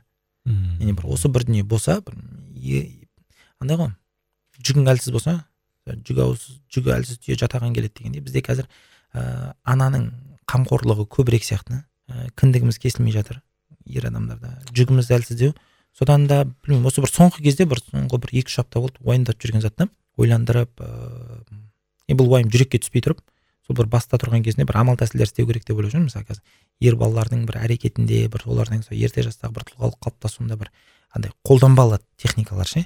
Ыыы мен қазір анау бір кейбір таныстармен андай мін тартып жатады сен өз балаларыңа бір андай тәжірибе жасап жүресің деп ше. Мен әдейі енді айтамын ғой оларға жасап көргеннен кейін жемісін беріп жатса егер керек деп жатсам содан кейін барып елмен бөлісеміз ғой деп ше. Көреміз мүмкін егер бұл сәтті тәжірибе болып жатқан болса мүмкін бір екі жылдан кейін сол тақырыпты қозғап отырамыз ба? Иә Тамаша екен. уақыт көрсетеді деп ойлаймын. Өйткені бұл егер шынымен сыртқы факторлар ол алпыс пайызға дейін әсер етсе онда біз жаңадан бері екі сағат бойы қырық пайыз туралы әңгімелескен екенбіз. Сол қырық пайыздың бір төрт пайызын айттық ау төрт пайызын иә. Иә. Ә, енді мен келіншегіме айтқанмын ғой ескендір қандай сұрақ қойғым келеді? десем сол кітап жазбаймын ба екен деген сұрақ қойды да ол кітап жазайын деп жүрген жоқ па екен ол кісі? деген. Бұған талпыныстар бар ма сізде? Негізі бағана бір Ой. не өзіңіз білесіз ғой ана бір не гугл драйвта жаңағы жазылған бір екі кітап бар. Иә. Бірақ оның біреуі жаңағы сол бір тұлғалық даму менторлық тақырыбында маған ана зат қызық болатын да. Яғни бір кісінің тұлғалық қалыптасуына кім қандай ұстаз әсер етті деп ше. Осы бір дүние қатты әсер ететін яғни тұлғалық тақырыбына ыыы сол бір менторлар кімнің менторы кім? Бұл менторлық бізде қазір жаңа термин болғанмен негізі аты жаңа болғанмен заты бізде болмысымызда болған дүние да қызық сол, сол, сол тақырыпта бір жазылған бір дүниелер бар. Кітап деп айтуға келмейді бір сондай жазбалар деген дұрысырақ шығар. Ә, екіншісі ол ыыы мынандай бір ана тәрбие тақырыбында ғой тұлғалықтың тамыры. Яғни мысалы тұлғалардың әке шешесі қандай болды? Біз көбінесе соларды оқып жатамыз ғой. А бірақ мысалы айталық қонаевтың қонаев болуында дінмұхаммед ахметұлы қонаевтың. Әкесі қандай болды? Атасы қандай болды? Олардың сипаты қандай еді? Немесе бауыржан момышұлы әкесі жаңағы меңлі ахмет. Ол қандай сипаттарға сай болды? Бұл біздің адамдарды ғана емес мысалы бүгінде та- танымал миллиардерлар Би- билл гейтс стив джобс олардың өздерін емес олардың ар жағын қазып көру қызық болатын. Және олардың биографиясында өте көп дүниелер бар негізі алып шығуға болатын. Осындай бір идея болды. Сосын тағы бір шикі дүние бар онымен де бөлісе салайын. Ол мынандай ә, диалог педагогикалық диалог деген тақырып та. Маған үнемі мына қызық болатын мысалы бала тәрбиесі тақырыбында тәрбие деген не деген сұраққа мысалы мағжан атамыз жауап береді жаңағы александр нил жауап береді білмеймін сухомлинский жауап береді ушинский песталоцци бәрі жауап береді. Балалық шақ дегенге не? Ә, еңбек деген не бәрі жауап береді сосын менде мына қызық болды неге бұлар бір бір андай бір кездеспеді бір уақытта бір неге бір талқыланбады бір бірімен осы тақырыпта деген бір. И сол бір кітап форматында бір бірімен кездестіргім келеді ше яғни мысалы тәрбие тақырыбында мына кісі би деген а мынау би деген мынау былай деген деген сияқты ше. Негізі бәрінің бір айтатын әңгімесінде қайшылық жоқ. Екі мысал айтайыншы ыыы сол бір жиырмасыншы жылдары мына мария монтессори бар александр нил бар ыыы қателеспесем жан пиаже бар бәрі мына бір форумда жиналады. Яғни сол кезде қазір біз оқитын мойындайтын педагогтар сол кезде жас мамандар бір форумда жиналып бір ой бөлісіп бәріміздің бір бір әңгіме айтып жүргенімізді түсіндік дейді да. Тура сол сияқты мына ресейде ә, аманашвили бар жаңағы шаталов бар. Сол сияқты педагогиканың мамандары бір екі аптаға ма екен есімде жоқ бір екі үш күнге ма ұмытып қалдым. Қателесіп өтірік айтпай ақ қояйын бір дачада жиналады мәскеудің түбінде. Әркім өзінің жаңағы сабақтарымен өздерін бөліскен кезде шаталовтың айтатыны бар.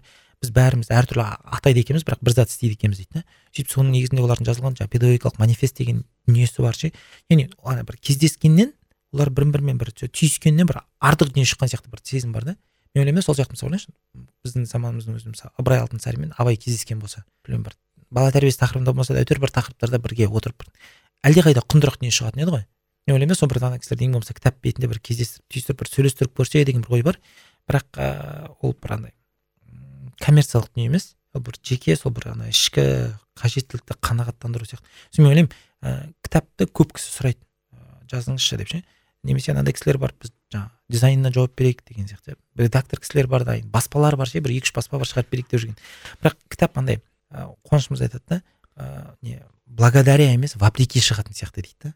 Сондай бір андай бір мүмкіндіктер болған кезде емес сондай бір керісінше бір қайшылықтар болған кезде шығатын сияқты ма? Сол бір қайшылыққа әлі жетпедім ба? Ішкі бір кемелсіздік па? Білмеймін. Ол шығу керек болса ештеңеге тоқтамайтын сияқты менің ойымша. Бірақ әзір андай бір андай жаңбыр жауатындай бұлтты сезіп тұрған жоқпын ғой иә онда біздің ең соңғы тұрақты сұрақ ол осы біз подкасттың негізгі нүктесі болады. Ол дәл қазір бүкіл қазақстан сізді мұқият тыңдап отыр. Ә, бүкіл назар сізде. Ә, микрофон қосулы сізде екі минут бар не айтасыз? Ә, мына бір нені айтатын сияқтымын.